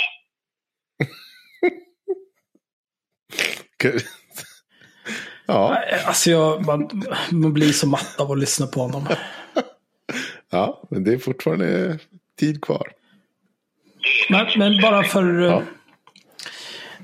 det här med hans fru. Mm. Är det något vi kommer återkomma till eller? Nej, det Nej. kommer vi inte. Nej, för jag bara tänkte det kanske skulle klargöra vad det faktiskt var. Om man bara slänger ut det för världen så hur som helst. Ja, nej, nej, nej, det här är ju, det är ju en anklagelse som, eh, eh som kommer mot honom i en utredning kring honom. Och det Bo-Göran så tydligt gör är ju ett, en jämförelse, en liknelse med att om alla personer, precis som du gjorde, ja. Jag tyckte att det var, jag behövde inte förklara det. Men han, han gör ju en liknelse att om det vore ett giltigt sätt att se på en anklagelse, då hade du också varit hustrumisshandlare här. Ja, men det var mer ja. det jag ville klargöra, att han är ja. inte dömd för det. Han är inte på något sätt dömd för det, utan han är anklagad för det vid ett tillfälle och det ska vi vara väldigt tydliga med också. Mm. Nu ska se. Eh, Publish and Be Damned was first held in, ja det är någon typ, jag, jag försöker se om det är Lord Wellington. Duke of ja, Wellington. Det kan det väl mycket väl vara. Ja. Men, men liksom det, det där är ju bara, det är bara trams. Ja. Egentligen, man skulle kunna, om man, om man var Jan Björklundsk i huvudet så kan man ju tolka det som ett hot. Jo, men det är klart han gör. Men det betyder ju inte att i riktiga livet där normala människor bor. Men vi kör klart. Jag har inte sagt att jag ska publicera någonting om dig. Jag, jag, jag har hört vad du har sagt. Jag har hört att du har grävt upp, inte myndigheternas felsteg, utan du har grävt upp vad du hittat om Jan Björklund. För att möjligen kanske... Jag älskar att han pratar om sig själv i tredje person. Det är, det är klart han gör det. Ja. Utöva lite utpressning på mig. Varför skulle jag, jag, vilja, varför skulle, varför skulle jag vilja utpressa dig? Jag säger så här, om man... Men du, du, du du, du påstår att, att, att det finns ett uttalande om att jag har misshandlat min fru. Det räcker alldeles utomordentligt. Då förstår jag precis hur du arbetar. Men du, jag ska berätta en sak för dig. Jag låter mig inte skrämmas. Men, men, men, men det här handlar om myndigheter som kör, kör, kör över ett barn tysta barnet. De hade i ett, i, ett, i ett förhör kunnat visa en bild på hans rygg med blåmärken och frågat honom, en öppen fråga, vad är detta? Han hade haft möjlighet att säga blåmärken. Och så hade de kunnat fråga honom, hur kom de blåmärkena till? Och då hade han kunnat säga hur det egentligen gick till. Men den tjänsten gav de honom inte. Känner du dig stolt? Ja, det har jag ju svarat på nyss. Fan vad trött han låter. Det blir någon guldspade för det här. det blir ingen guldspade för det här. Eh, alltså det kan det nog mycket väl bli med tanke på hur efterbliven hela den här historien är. Ja, det, alltså det är ju svårt alltid med sådana här typer av mål.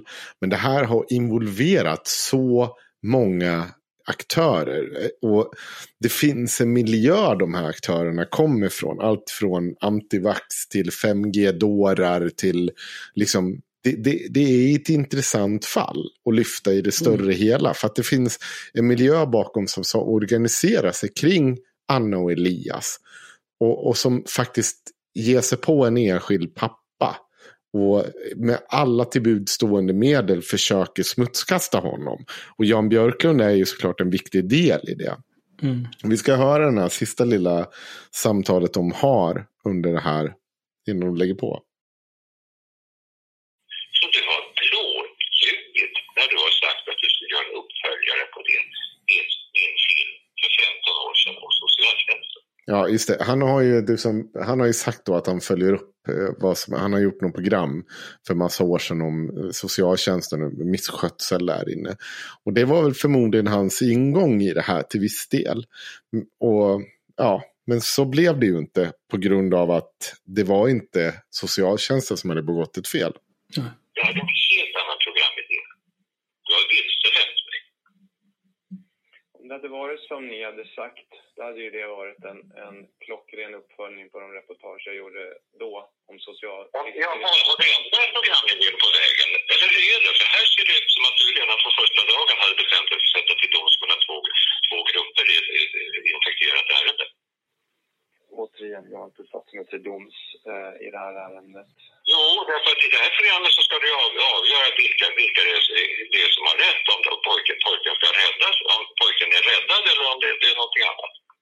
Var det något mer du, var det något mer du jag att du inte uppskattar det kommande programmet, men var det något mer? Det är nog väldigt, väldigt milt sagt. För att du, du förstör ett barns liv och du förstör... Kom ihåg det här med att inte sätta till doms. Bara, du förstör ett barns liv. Även fast mm. sett... Men... Många andra barns liv. För nu får socialtjänsten med sina utredningsmetoder en, en stödjare Myndigheterna har fått en spindoktor som, har, som hittar fel. Men du, du säger om det hade varit som ni sagt. Vad är det som säger att det inte är som vi har sagt, nämligen att myndigheterna har begått fruktansvärda övergrepp mot den här pojken? Det där, det där är ju eh, att säga så här, vad är det som säger att det inte är så som vi påstår, är ju ett extremt tydligt bevis på att man inte har någonting att komma med. Nej. Det är liksom så här, ja men vadå, kan du, kan du bevisa att Gud inte finns? Mm. Nej, givetvis kan jag inte det, din åsna. Men... Mm. Men nu, nu, är det inte så ta det samman, ta det samman. Han ja. har lite kvar att säga. Det som, det som däremot inte säger att pappan har begått övergrepp, det är alla dessa förhör som, som, där, där socialtjänst och polis har förstört bevisning. Så att pojken inte tillåts svara som det egentligen är. Pojken tillåts inte svara som det egentligen är. Mm. Det, det, är så, så här, det, det, är sånt jävla... Det är så sjukt att någon kan säga så rakt ut. Bara, men då har du ju, och sen sitta och gnälla över att någon tar till doms. Men du, du har ju klart, du har ju bestämt dig hur det är. Så att då ställer du dig till doms, då har du bestämt vad, vad håller du på med? Varför försöker du ens låtsas som att det är på ett annat sätt? Aldrig någonsin kunnat tala i förhör. Utom vid ett tillfälle när han var med mamman i, efter huvudförhandlingen i vårdnadsmålet. Då blev han tillfrågad om pappan hade slagit honom och då svarar han någonting och det här är jätteviktigt. Han svarar inte ja, han säger mm. Och om du kan någonting om barnpsykologi när det gäller så här ärenden så vet du att här, här finns det någonting, någonting som man behöver gräva i. För pojkar i det här, eller barn i den här situationen, de berättar inte bara rakt av frimodigt om vad de har varit med om. Man måste vara väldigt, väldigt listig när man gör så här förhör. Man måste vara väldigt, väldigt listig när man gör sådana här för, för att få ur de rätt saker. Jan Björklund. Din jävla eh, haverist. Han är, är han barnpsykolog också eller? Men eh, så det här är det som det här är då hans stora påståenden om att han har blivit utsatt för utpressning eh, av SVT. Eh, och Bo-Göran, ja, eller i alla fall Bo-Göran Bodin då. Det är då att någon har påtalat för honom att med hans logik så skulle även han kunna vara då en hustrumisshandlare. Mm. Det är allt. Det var det här han inte, det var de här känsliga uppgifterna som han inte kunde utlämna. Och det förstår jag att det är superjobbigt att få höra. Men du är ju också inblandad i ett fall där du har utpekat pappan som pedofil eh, som extremt klandervärd på alla möjliga sätt och vis. Och att det finns en stor konspiration mellan myndigheter, polis och socialtjänst. Ja, allt. Mm. Och det här är liksom... Det är så, men det är ju haverister. Vi, vi sitter ju på något logiskt och försöker resonera kring att det, är, det här är en riktigt tvättäkta haverist. Det är så här, ja. Det är ingenting annat. Och jag förstår inte hur vi kan ha politiker som faller för det här. Hur vi kan ha kändisar som Niklas Lidström, Stefan Sauk. Utan tvek hade jag kunnat direkt bara, jo det är klart. Eller vad heter han? Jo men det är väl Stefan Sauk som är den nya Lamotte, stå och skrika i kameran. Eller vem fan var det? Mm. Stef jo, men det är Stefan Sauk. Gör olika YouTube-videor där han spelar olika tokiga karaktärer. De, de tar ju, allihopa tar ju avstånd från det här i dokumentären, ska överge dem. Eh, men det är Men hur kommer det sig att de är med i dokumentären för första början? för att de har ställt sig bakom Det är ju inte för att de har hittat någon på gatan och bara, du tar du avstånd från det här helt sinnessjuka? Ja, absolut. ja. Så att jag kan bara säga så här. Eh, se, lyssna på våra tidigare avsnitt. Eh, se dokument inifrån. Eh, att rädda ett barn det är väl värt att se hur jävla illa det kan gå. Nu, det, nu tror jag och hoppas innerligt att det här är ett dussinfall. Och vi har ju, jag kommer ihåg att vi gav oss in i ett annat fall strax efter det här. Och jag kände direkt att så här, nej men jag tror inte att det är inte ofta man stöter på ett sånt här fall det är väldigt, väldigt sällan. Det här Nej, är... det får man ju verkligen hoppas. Ja, det här är någonting. Oftast är det mycket kladdigare parterna emellan. I det här fallet är det inte kladdigt parterna emellan. Det är en galen sida. Det, det, finns ingenting, det finns ingen utredning som pekar på något annat. Det finns en person som hattar mellan myndigheter, poliser, olika privata aktörer. Jo, ja, just det. Vi glömde ju en liten grej. Jag, du sa ju, vad var det Jan Björklund sa? Att det var olika typer av... Eh, vad sa han att det var? Massa konstiga människor. Va? Jo, han skrev ju det i sin status som du skrattar så, som vi skrattar så hjärtligt åt. Jaha. Eh, Löjliga människor eh, som sätter sig upp mot myndigheter. Lustiga en löj... slags dokusåpa om lustiga, löjliga människor som sätter sig upp mot myndigheter. Jo, det, han, har ju, han har ju helt rätt. Det är ju det det är. Ja, eh, vi har ju Henning Witte. Vi kommer återkomma till de här karaktärerna. Eh, Henning Witte tror ju att ödle människor styr världen och att eh, det finns någon typ av mind control eh, som styr också världen. Det är lite 5G-trams där också. Ja, mycket 5G-trams där också. Men det här är också Conny Andersson, Mark Saftluktan och eh, Barfotapolisen. Han har ju nu deltagit i, eh, i, eh, i Wake Up Globe. Det är en svensk YouTube, eh, YouTubare. Som, ja, jag har sett lite av den. Ja, han, han är också riktigt jävla konstig alltså. Men vi kör här lite ska ni få höra nu om Conny Andersson som har kommit på att han, han minns han Oh, jag måste... Ja. Jag växa upp i det här när, när jag känner att det finns... Eh... Eh, Conny Andersson var inblandad på det här genom att han också transporterade den här mamman mellan eh, olika typer av boenden när hon eh, gömde pojken. Eh, efter att ha kidnappat honom. Ja, efter att ha kidnappat honom. Så han har ju varit en del i det. Han har också varit på rättegången och rapporterat. Han har också varit på... Ja, han har trakasserat pappan också. Så han är ett riktigt jävla äckel. Han ska in på kåken, den här jäveln rädsledrivna energipåverkan på oss eh, men av vuxenvärlden förnekat att eh, det är någonting som påverkar oss. Mm. Så den här, den, här, den här resan har ju faktiskt eh, pågått under hela mitt liv tills idag. Ganska nyligen så jag... Det, det är alltså Conny Andersson vi lyssnar på nu också om det inte framgick. Mm. Och han har haft en resa fram till detta nu. För ett år sedan tillbaka så har jag faktiskt kommit till slutsatsen om att verkligen att demoner finns och de påverkar oss väldigt destruktivt. Speciellt när vi inte tror på dem, när vi inte vet att de finns och därför kan vi inte heller inte hantera dem. Oh, Absolut, det handlar definitivt om medvetande. Ja. På min egen resa också så var det... Eh, jag började titta mycket alternativt. Jag tittade på David en massa andra researchers då. Det här med arkons, demoner och så vidare kom ju upp som en härskarkraft egentligen. Mm. Går man in på det mer indiska så kan man också se att eh, demonerna är där också när man tittar på de här tidsåldrarna. I järnåldern så är det demonerna som har kontrollen över människan. Så det är en väldigt fascinerande sak. Men absolut, förr eller senare på min väg så kom jag också fram till att det här, den här kraften är riktig och jag börjar se hur den interagerade med mitt liv. Ja. Alltså, jag vet ju också när, kan i skolan när vi läste om religion och vi besökte kyrkor. Jag har alltid tyckt om att gå i kyrkor för det finns en speciell eh, stämning i kyrkan som jag gillar. Men det var oftast eh, iklätt eh, med demoner på väggar och det var tavlor med skrämmande demoner, det var dödskallar och sådana saker. Och mm. Jag hade då i min grunduppfattning från eh, mina föräldrar att demoner och spöken inte finns så såg jag det med liksom ett eh, nästan ja, förakt kanske och, eh, på, på den kunskap som kyrkan då hade med demoner. Mm. Och eh, därför så har jag aldrig tagit till mig det här med demoner och eh, onda andar eller negativa entiteter.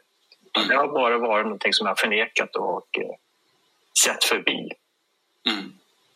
Var någonstans på din väg eh, började du vad ska man säga, inse att den här kraften fanns och, och hur påverkade den dig i så fall i livet? Ja, alltså krafterna har ju funnits men jag har aldrig fått en riktig förklaring på vad det är för någonting. Det var väldigt starkt eh, under mina år som polis då när jag gjorde många ingripanden och eh, mötte människor som eh, galna helt enkelt. Det var eh, uttryck som jag hade svårt att tänka mig att det där kan vara mänskligt. Speciellt människor som var påverkade av droger och alkohol.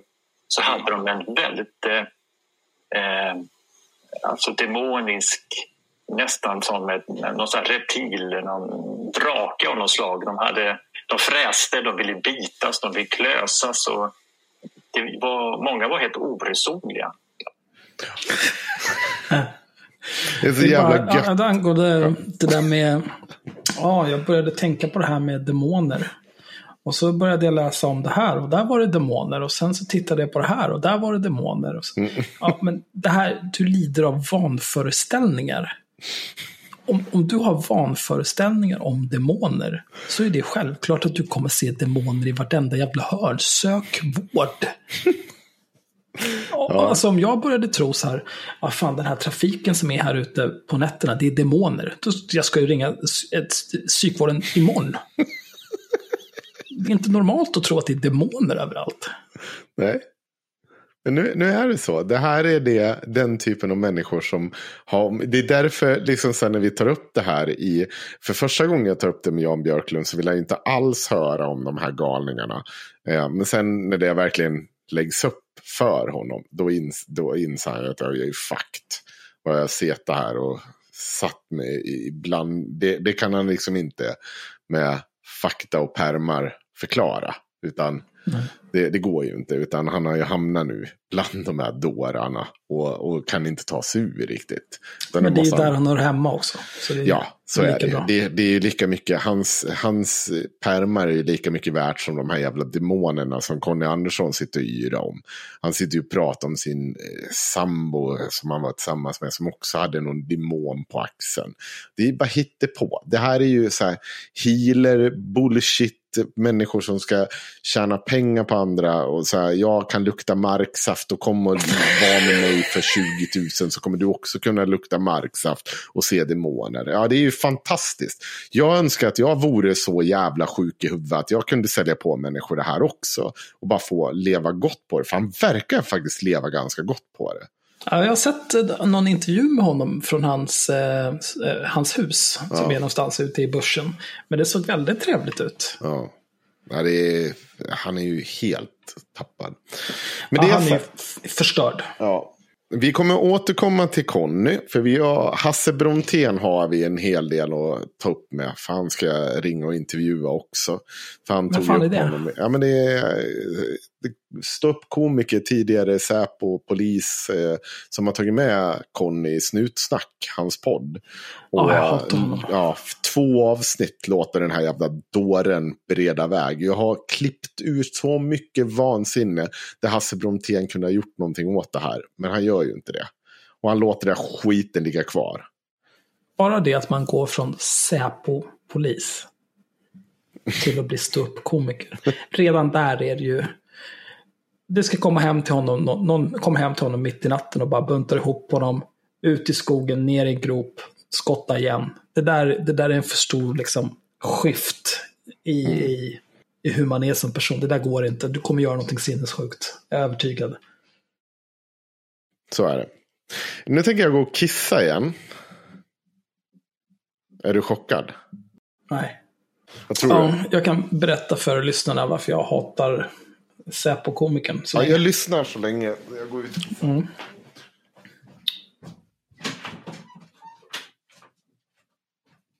Jag tycker extremt illa om den här Hasse Brontén för att det är egentligen eh, Det var på den tiden jag hade Twitter. Så det måste varit över ett år sedan. Men jag skrev någonting och han retweetade det och försökte vara lustig. Och sen så satte jag honom på plats. Och så försökte han vara lustig igen. Och så satte han honom på plats igen och då slutade han svara. Och sen dess hatar jag honom. För eh, ett problem, eh, som i och för sig det, det, är någonting som, som drabbar hela eh, den svenska komikereliten. Det är, jag eh, är av åsikten att skämt ska vara roliga. Och svenska komiker är sällan roliga. Och när det är liksom Eh, jag vet inte hur gammal han är, men jag tänker mig att han eh, var väl medelålders när han bestämde sig för att han skulle bli komiker. folk som, som ramlar in i någon typ av medelålderskris och, och ska liksom bli någon helt ny människa, de kan inte vara roliga. För det är för mycket. De är för bajsnödiga liksom. De, de skulle eh, tvinga på dem en stomipåse bara. Så att allt det där bajset bara rinner ut så de slipper gå runt och knipa med stjärten hela dagarna. Fan alltså. Och sen är det också det lite provocerande att ha en podcast där två snutar sitter och pratar med varandra. Det är, jag vet inte. Nej. Nej, nej. Nej. Ja, jag kommer nu. Fan vad tid du tog på dig Henrik. Jag blir rasande. Sluta gnäll. Ja, ja. Mycket. Jag är tvungen att ha någonting mer att dricka. Ja, vad säger vi om Paolo Roberto då? Finns det någon... Något hörn att börja i? Han är en pajas liksom. Mm. Han, han påstår att det är första gången han köpte sex. Mm. Och det känns som en så, så otroligt konstig lögn. Eh, men jag har ju full förståelse för det. Liksom. Det är klart. Gör man någonting som folk anser vara klandervärt så går man ju inte gärna och säger så här. Men jag har gjort det här hundra miljoner gånger förut. Det har inte varit något problem. Nej. Utan är klart, det här har ju aldrig hänt förut. Visst, kör på det. Det, Ja, det är det- mycket runt det där som jag tycker är korkat snarare än just specifikt Paolo. Liksom. Ja, det... det- känns ointressant. Han är ju en, en dussinfigur i det här, eh, den här problematiken och i den här, vad ska man säga, det här samhällsfenomenet, eller vad fan man ska kalla det. Det var väl klumpigt av mig frågat då. Om vi, vi säger det som runt omkring. För jag, vi båda är ju överens om att han är ju som person inte superintressant Vedervärdig. i allt det här. Vedervärdig. Ja, och det finns, ja, det finns andra saker. Han, han har varit vedervärdig sen han sprang runt i Kungsträdgården. Sen när han skulle slåss med den här 16-åringen. Det, det tycker jag är en av de sjukaste grejerna han har kommit undan med. Det är, alltså så här, det är klart att allt det här. Men att det inte där, redan där att det inte blev en grej att det sitter liksom en, vad fan är han, 45-årig man på en 16-åring och ger han en örfil. Som är liksom en proffsbox, gammal proffsboxare. Alltså så här, jag hade inte gett mig på en s- 60-årig proffsboxare. De kan fortfarande slåss ganska ordentligt. Alltså det är en sån sjuk grej att du ska vara, att du, nej det är konst, konstigt. Men vi, vi skiter i Paolo för stunden. Allt är runt omkring då. Vad, vad, är det, vad har du uppfattat som är...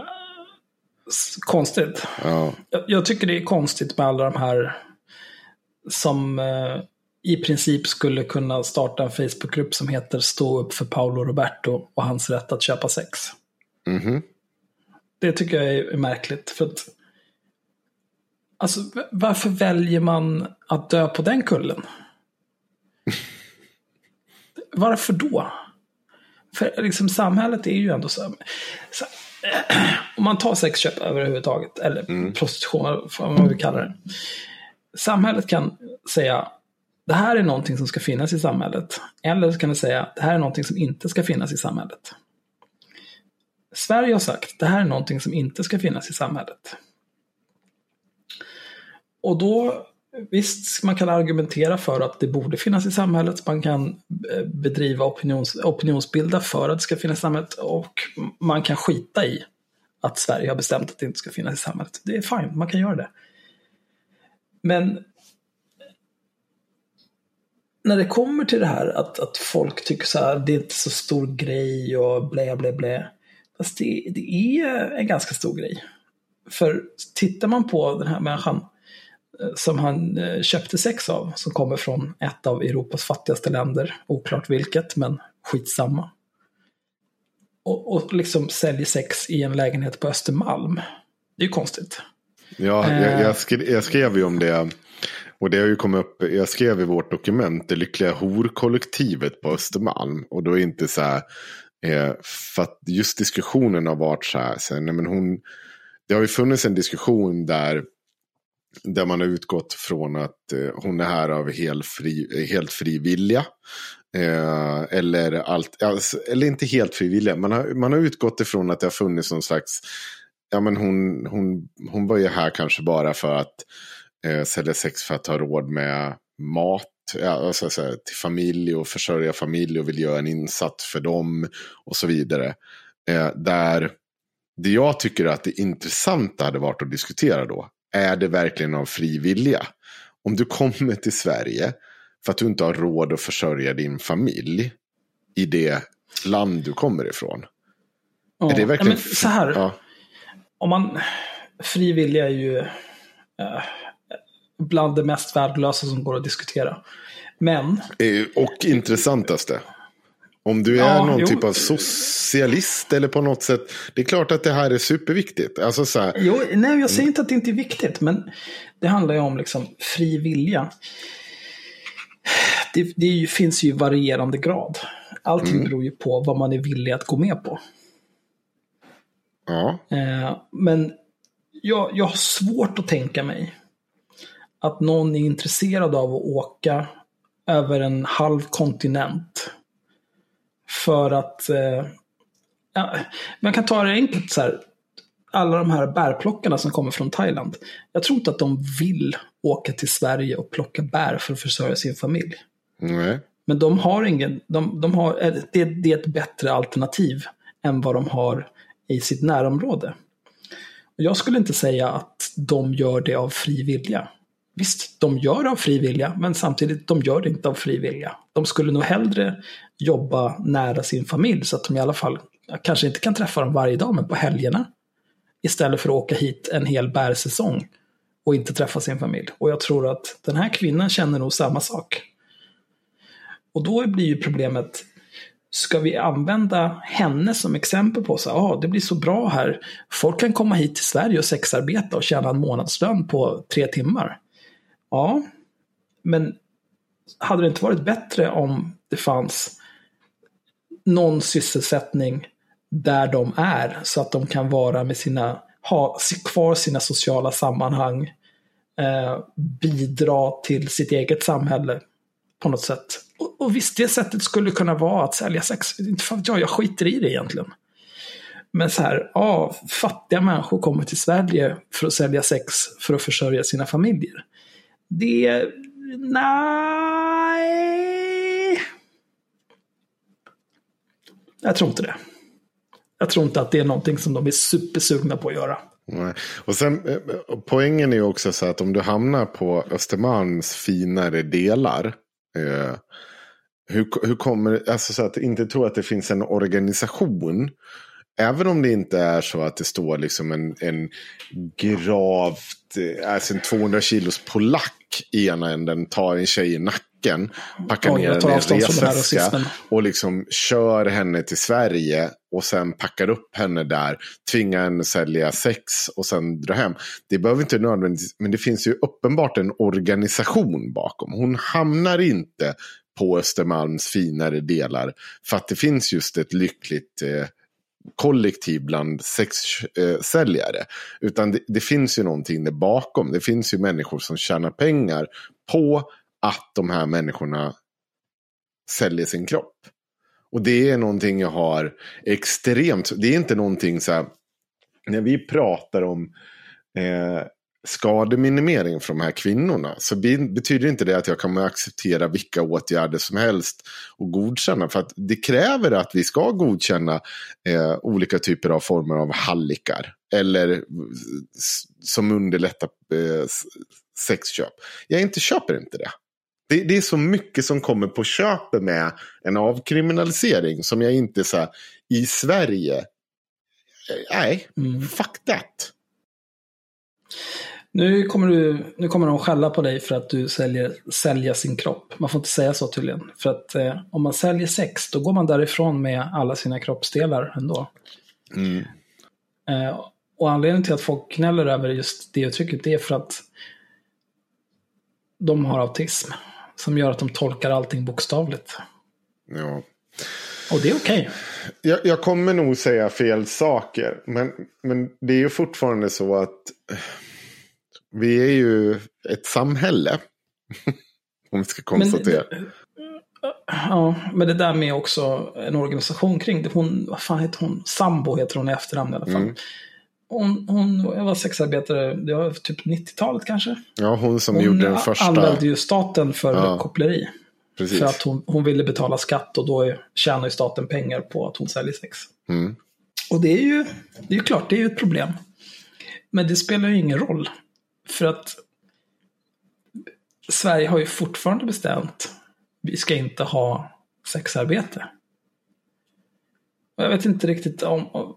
Jag får intrycket av att när, eh, när den som säljer sex inte längre kunde straffas av det. Jag får intrycket av att de som är för en avkriminalisering tolkade det som att ja, nu håller svenska sexköpslagstiftningen på att luckras upp. Snart kommer det avkriminaliseras. Mm. Och det är inte alls så jag tolkar den lagstiftningen. Jag tolkar den som att vi vill inte ha sexköp i det här samhället. Men de som säljer sex är oftast så pass utsatta att vi inte vill straffa dem ännu mer genom att ge dem böter eller fängelse eller whatever. Nej. Vilket många argumenterar för när det kommer till droger också. Att det ska inte vara kriminellt att ta droger. Nej. För att det finns, eh, alltså, du är redan så utsatt i den situationen. Ja, det, det finns ja, ju liknelser. Och... Det, är liksom, det, det hjälps inte jättemycket att få böter eller ett fängelsestraff Nej. om du är drogmissbrukare. Det gör inte jättemycket nytta för din situation. Nej. En annan sak som jag tycker är gravt efterblivet är det, är det här argumentet att man ska lyssna på de som säljer sex. Mm. Jag är helt likgiltig till vad de tycker. Okej, okay, varför för, det? För det, det är så här, jag kan, jag kan lyssna på dem, eller jag, det finns ingen, anledning, det finns ingen poäng i att de berättar något för mig, jag kan inte göra något åt det ändå. Men samhället borde lyssna, kan lyssna på dem när det kommer till hur deras arbetssituation är. Hur deras arbetsmiljö är. Mm. Precis som man liksom kan lyssna på busschaufförer. Så, ja, hur har ni det? Får ni gå och kissa tillräckligt ofta? Så där? Vad kan vi göra åt det? Mm. Visst, det har jag inga problem med. Men vi, vi, kan liksom inte låta till exempel yrkeschaufförer låta dem diktera hur många timmar per dygn i sträck man får köra. Det är helt ointressant vad de tycker om det. Nej, det är det inte. Det är inte ointressant. Det är det inte. De kan vara en instans man pratar med. Alltså att de får vara en instans. Men att de skulle ha utifrån sin roll en, en form av ensamrätt att diktera.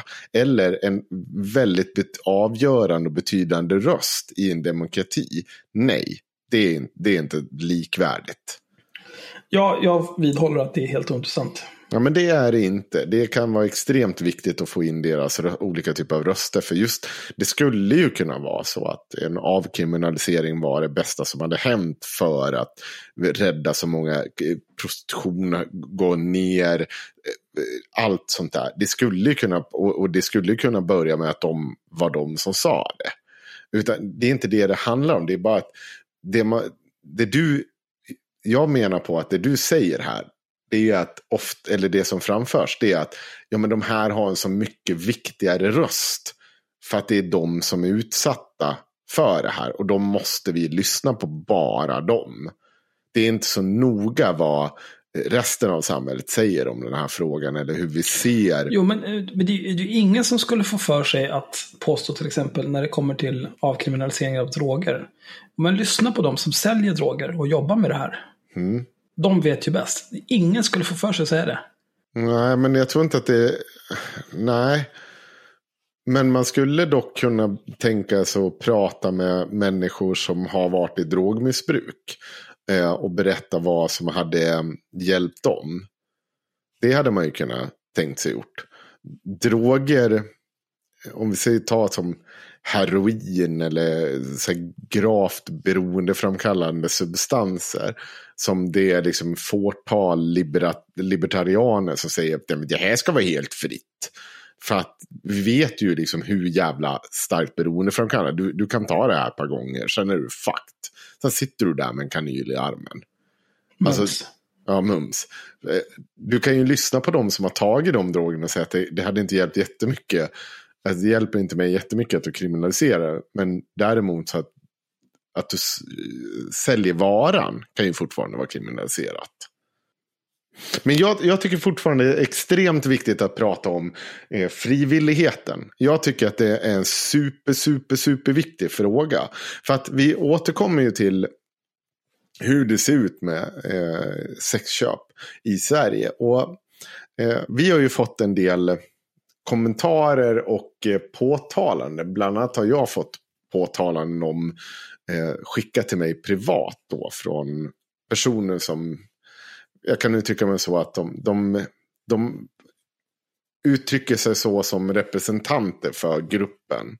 Där de sitter och säger att ja, men 75 procent av de som kommer hit eh, och säljer sex det är liksom folk från fattiga länder och de gör det för att eh, skicka pengar hem till sin familj. Och då, än en gång, då, är, det här, är det här ett argument för det här då? Ja, det, de menar ju det. Det är det, på riktigt det de menar. Idioter. Ja, och en annan grej var att det fanns eh, skuldproblematik. Eller att eh, en person hade skaffat många barn och behövde försörja dem men inte kunde göra det på ett vanligt jobb. Eller inte tyckte att det fanns tid till det på ett vanligt jobb. Eh, och att det fanns men... sjuk, psykisk ohälsa. Det är alltså vad man kontaktar mig med och använder som argument som för. Inget av det här är argument för avkriminalisering. Nej. Det är argument för att lösa grundproblematiken. Om det är så att folk kommer hit från andra länder för att sälja sex, ge dem tillräckligt mycket pengar för att eh, försörja sin familj, då är lösningen på problemet att se till att stimulera ekonomin i de områden de kommer ifrån. Se till att det finns ett socialt skyddsnät där. Samma sak med folk som, om folk har skulder, ja men då får man ju se till att man kan erbjuda någon typ av eh, ja, du har väl privata skulder säkert för att du har lånat av någon jävla galning. Ja, fan, se till att lösa de skulderna, erbjud dem något, något lågräntelån, betala av den där skiten, eller skjut den där jävla gangsten de har lånat pengar av. Lös ja. det. Ja, du har fått jättemånga barn som du måste försörja. Ja, då ser vi till att vi har en förskola, skola är, är avgiftsfritt. Du får mat, barnen får mat när de är i skolan på förskolan få barnbidrag och så vidare. Lös grundproblemen. Sitt inte med något jävla och överkriminalisera prostitution som plåster på de här samhällsproblemen.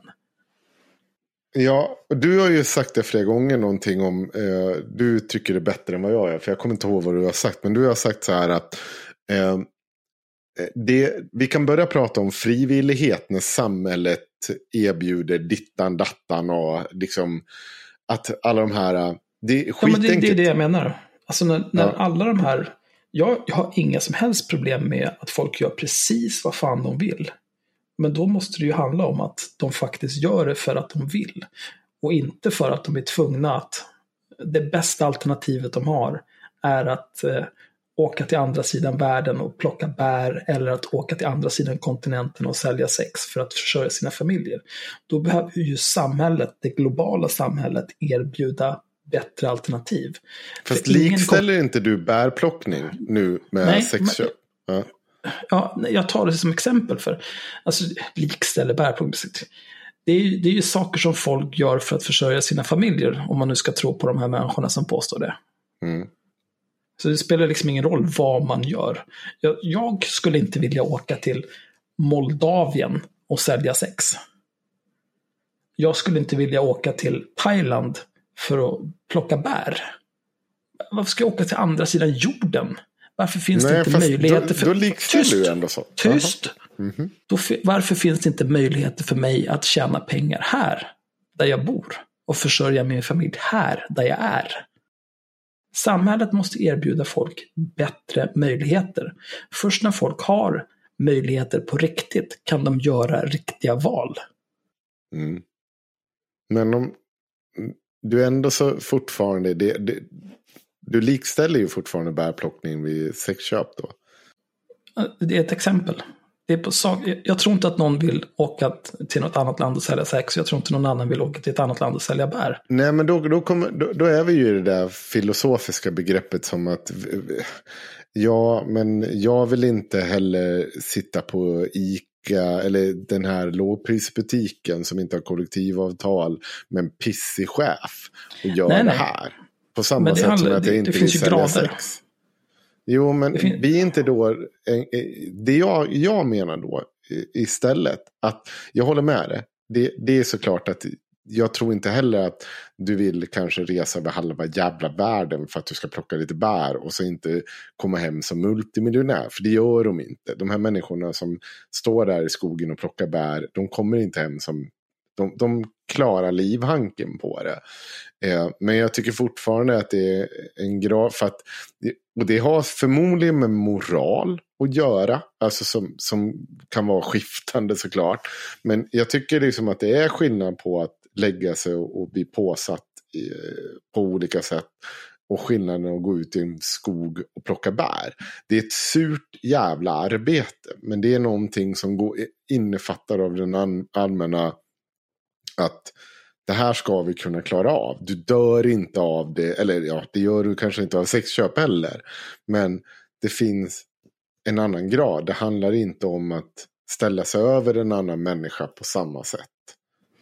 Alltså jag, för mig är det inte viktigt att gradera vad som låter hemskast. Eh, åka och plocka bär och åka och säga sex, det är skitsamma egentligen. Eh, det enda som spelar roll för mig är att man kan inte, man har ingen fri vilja om man inte har några val. Nej, Nej det är vi överens om. Och, och sen, eh, jag, kan, jag kan känna att eh, syftet med alla typer av stater måste ju vara att ge sina medborgare så många val som möjligt. Till exempel, eh, jag skulle inte kunna tänka mig, som jag sa, jag skulle inte kunna tänka mig att åka till Moldavien och sälja sex eller åka till Thailand och plocka bär. Men jag kan tänka mig att eh, gå upp, promenera tio minuter och sitta och producera data åtta timmar. Det är okej. Okay. Mm. Men helst av allt skulle jag ju vilja slippa det också. Jag skulle ju vilja lägga de åtta timmarna på att göra precis vad jag vill göra. Och det skulle inte vara att jobba.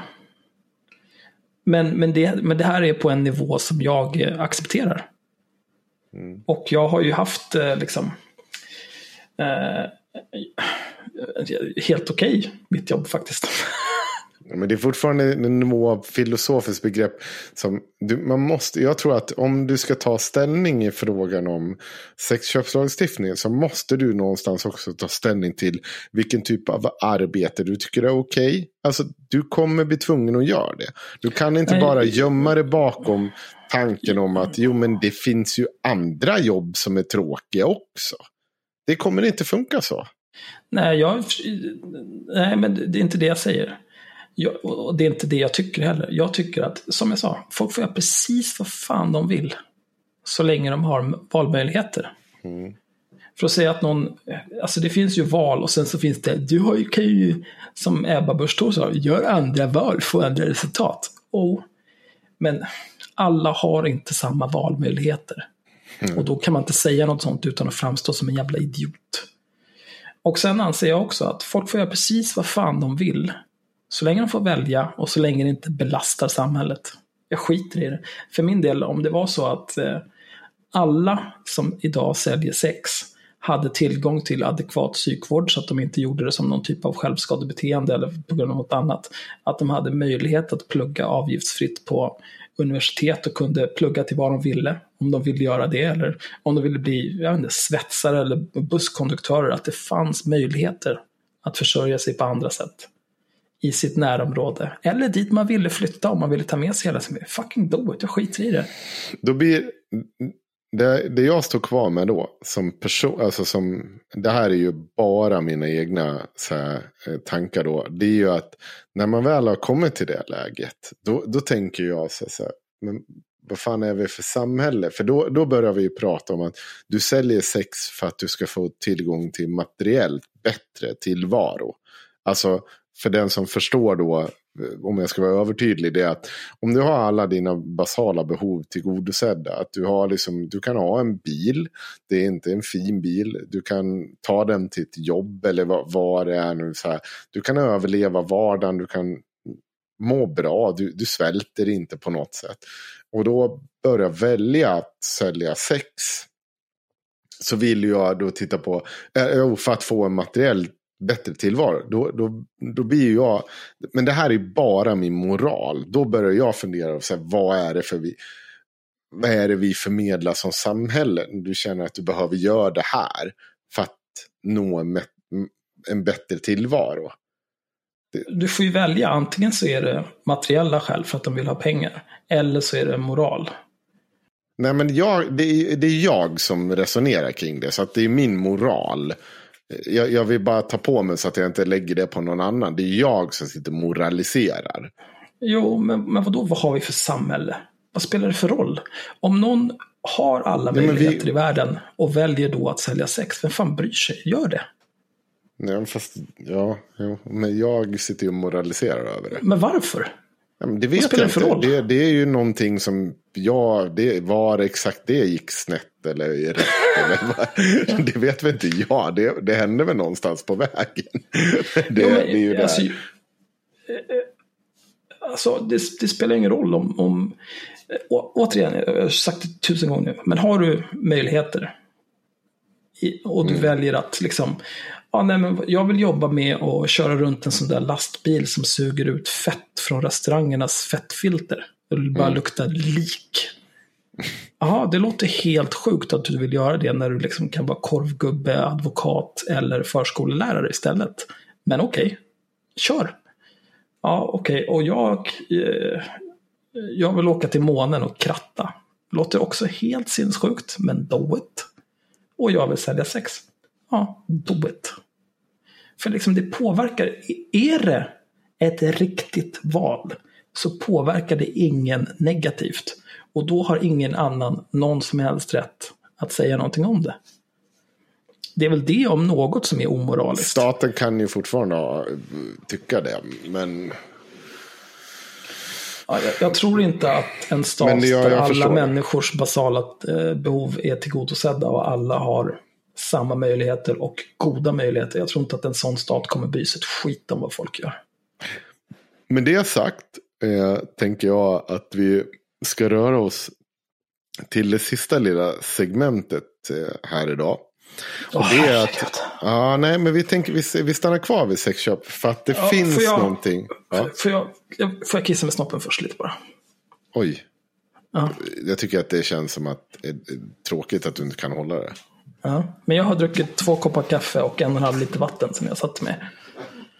Så att eh, du får tolerera det här bara. Jag kommer strax. Går du också och kissar nu din råtta? Ja, det gör du. Fy fan vilket svin.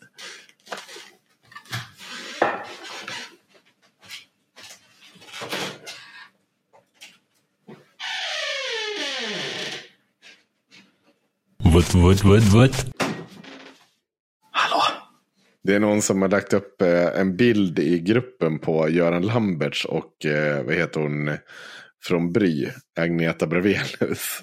De är ju svinlika.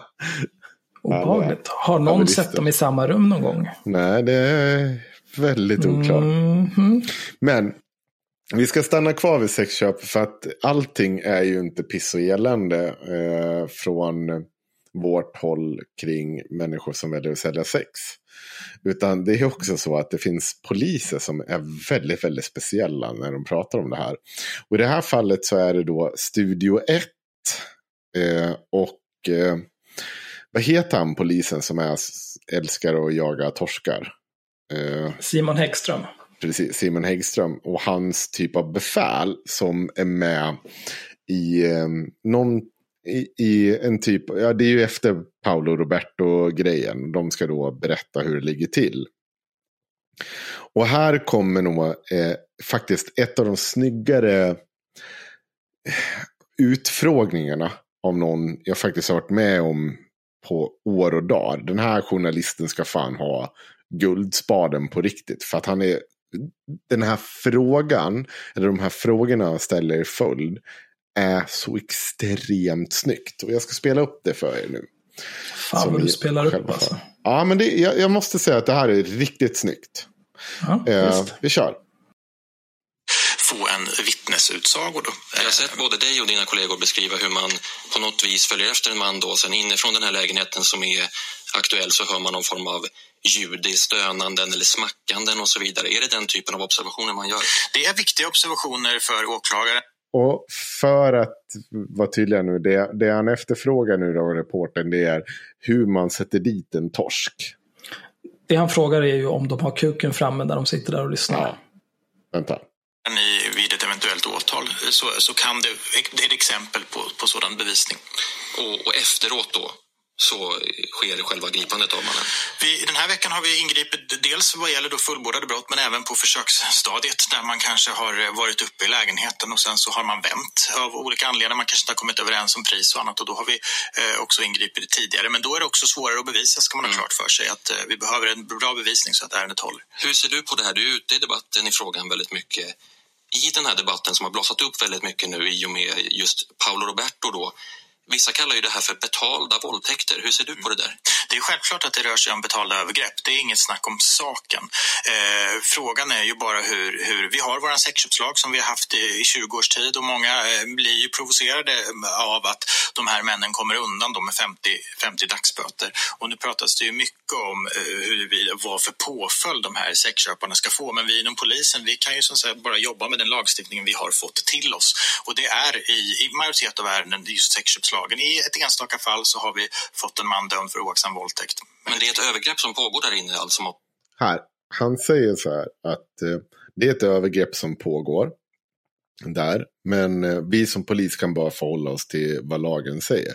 Men han, han opinionsbildar ju samtidigt klart och tydligt och tar ställning för att det är ett övergrepp som pågår. Och att det inte bara är någonting som sexköpslagstiftningen som vi har nu tar ställning till. Nej, det där är också intressant för att om nu eh, Sveriges mest framstående torskjägare anser att han och hans kollegor eh, bevittnar ett pågående övergrepp. Ah, stopp! Stopp. Ja. Mm. Du är smart nog du också, så tagga ner så lyssnar vi istället måste ta slutet på dig som. Absolut. Så mer bild är att det pågår ett övergrepp där inne. Varför ingriper ni inte då? Därför att då hade det blivit så att då hade vi inte kunnat säkra den bevisning som har krävts och då hade de här männen gått fria. Så det handlar om att kunna säkra bevis just där och då?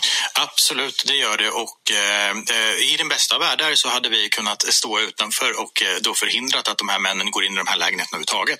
Men då ska man också ha klart för sig att då hade vi fått kvinnorna emot oss på ett väldigt, väldigt tydligt sätt. De hade eh, gjort allt för att undvika att fly från polisen för de är beroende av den lilla inkomst som de faktiskt får för att kunna skicka hem till sina föräldrar. Så det är, det är komplex. Jag blir nyfiken på hur man gör de här avvägandena ändå. Vad säger du om det, Anders Olofsson?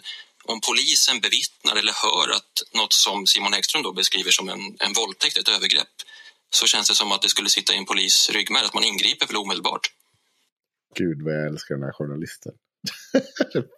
det var det där du var på väg att säga, eller hur?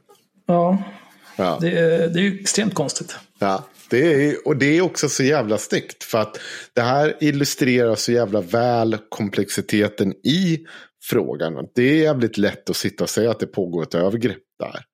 Eh, som kvinnorna för, för övrigt inte vill medverka till oftast. Eh, då, då, ska man också säga så här. Att de gångerna, det, man ska fan inte sitta där ute nu och säga så här att ja, Henrik ger mig en poäng här nu. För att du, om det sitter en trafficking-liga eller någonting, vad det nu än är, finns bakom din verksamhet. Du golar inte. Sluta låtsas som att liksom organisera verksamheten är någonting man enkelt googlar ner och berättar om. Det kommer inte ske. Nej, de blir ju utvisade dessutom. Så. Ja, det finns alla incitament till att inte prata om frågan. Däremot så är det fortfarande så extremt jävla klandervärt att om det sitter en polis där utanför och påstår att det pågår ett organiserat övergrepp där inne. Då ska du väl för fan agera och inte bara sitta och lyssna på samtidigt som du håller på kuken. Vad håller du på med människa? Vi kör klart. Nej, nej, men det är väl ett tydligt tecken på att eh jag vet inte, eh, någon, någon, slags eh, avhumanisering av de som säljer sex. Hur menar du? För jag menar, om, om, du, om, om polisen var i, i, rummet bredvid, där de hör tre personer säga till en fjärde person så här, nu du din jävel, ska du slå dig sönder och samman, du ska få så in i helvete mycket däng. Det är inte så att de kommer vänta då Nej. Tills den personen som ska bli misshandlad har blivit det och faktiskt det finns fysisk bevisning. Kommer gå in direkt. Ja. ja. Nej, det, det, är skillnad då på om man då ser, ser på människor, om man säger att de här kvinnorna är, som säljer sex är brottsoffer. Det är ju en skillnad på hur man ser på den här typen av brottsoffer och andra brottsoffer. Mm. Och det kan jag tycka att det kanske inte polisen ska ägna sig åt. Nu, kommer ju, nu är ju det fantastiska att nu blir ju Simons chef frågad hur det kommer sig att polisen sitter och håller i kuken och lyssnar när kvinnor blir våldtagna. Låter som en tråkig fråga att få. Mm. Vad säger du om det? Ja, absolut, om, om du beskriver en bild så. Men ofta så är, är ju inte bilden så ute på plats, utan eh, ofta så är det eh, de är där, de köper sex, de lämnar eh, på väg därifrån och beroende på, vi måste ju ha... Men hur menar du att bilden inte är så på plats? Simon Häggström som har varit på de här platserna menar ju att så är det. Det pågår ett övergrepp där inne. Ja, fast det, det, det, utifrån så som jag ser det så är det ett övergrepp. Utifrån så som de här kvinnorna ser det så är det inte alltid ett övergrepp utan det är snarare deras enda sätt att kunna sätta fram mat på bordet till sina barn. Va? Nu, du förenklar problematiken lite grann här. Absolut, vi som arbetar med det tycker att det här är ett övergrepp. Men vi har ju fått en lagstiftning till oss som vi måste arbeta med. Och det vore mardröm om vi dessutom... De här kvinnorna har fullt upp med att fly från, det vill säga hallickar och andra som de är rädda för. Det ska inte vara så att de också uh, ser polisen som ett hot. Där, där, hade vi hamnat. Men om Anders Olofsson, om du avslutar ditt resonemang då. Det är ett brott som pågår där inne. En människa anses vara utsatt på något vis. Ändå låter man det pågå. Det handlar ju om att, att kunna lagföra de här personerna eh, och i, i förlängningen då kunna närma sig den problematik du nämner. Eh, för att kunna närma sig den och då kommer vi också till problemet med att det är väldigt, väldigt få som lagförs i den här. Så det är frågan om vilken nytta det gör. Och det går ju emot mitt eget resonemang om att jag inte vill avskaffa, alltså så här, avkriminalisera det här. Det är jag väl medveten om. Men det blir ju fortfarande en jävlig... Det här, jag tycker att den här intervjun är så jävla bra för den illustrerar hur komplex den här frågan är. Samtidigt som att du i ena handen har människor som kanske inte berättar om den situationen de är i. Och, och ändå så blir en del i berättelsen av att ja men det, det är kanske inte riktigt så trafficking går till. För det har ju företrädare från FUK-förbundet gått ut och skrivit med all tydlighet att det här inte är en big deal. Vad var det, vi, vad var det stod, Axel, i den här... Äh, har du, du har väl den vilken då? De har ju skrivit, vänta, jag tar upp det. Nu istället. FUC-förbundet. Paula är inte den största förövaren. Eh, just det, den sidan är borttagen nu. Eh, men de har skrivit om de den. De skrev en ny. Fackförbundet skriver så här. Det är inte ovanligt att personer från fattigare länder självmant reser till rikare länder för att tjäna mer pengar än vad de kan göra på hemmaplan. Det gäller även alla möjliga branscher och att sälja sex är inget undantag. Kanske var det hennes tanke att hon skulle sälja sex när hon kom till Sverige. Kanske utvecklades det efterhand. Kanske var det så att hon äh, tyckte hon att det var ett trevligare jobb, ett av de trevligare jobb hon haft och kanske inte oavsett vad så är det inte lika jobbigt som att svälta. Och det här är ju också en inställning till så här, men vad, fuck you. Men det är precis det jag var inne på. Ja, det är, det är precis kan... jag säger. Om dina alternativ är att svälta eller att åka till andra sidan kontinenten och sälja sex, då har du inga val. Då är det inte ett fritt val. Men det argumentet kan du legitimisera barnarbete. Det är inga problem överhuvudtaget. Det är ju trevligare att du jobbar och får mat på bordet än att du som barn svälter. Det finns ja, inget det konstigt i det. En överjävla dum hot take. Ja. Och det, det var ju inte bättre innan de tog bort den här. Ja. För då var det ju också att det var polisens fel. Allt det här var ju polisens fel. Ja, och det... Det här får man ju liksom så här, det är inte vår, det är inte vi, det är ju inte så här. För det här kommer ju gnälla som att vi har sagt det här nu. Ja, men det är inte vi som står och håller om fackförbundets eh, representanter och tvingar dem skriva den här texten. Det är de som säger det. Det är de som säger att det är bättre att hon knullar till sig pengar än att hon svälter. Då kan du 110 procent använda argumentet. Det kan du säga om barnarbete också. Ja. Det finns inget ja, snack det också, om det. Om, om det var mina alternativ, då skulle jag åka till Moldavien. Men, men jag har ju alternativ. Så att mm. jag behöver inte åka till Moldavien. Nej, och det är det. Då måste man ju landa tillbaka till sin egen ideologi också någonstans. Att, att det går inte bara heller att säga. Jag, stå, jag står ju för någonting annat. Jag vill ju att samhället ska formuleras på ett annat sätt. Inte på det här att alternativen ska vara där. Det, det, ska inte vara ett alternativ. Det ska, ditt, om det här ska vara ditt alternativ, då ska det vara först efter att jag givit dig alla andra alternativ.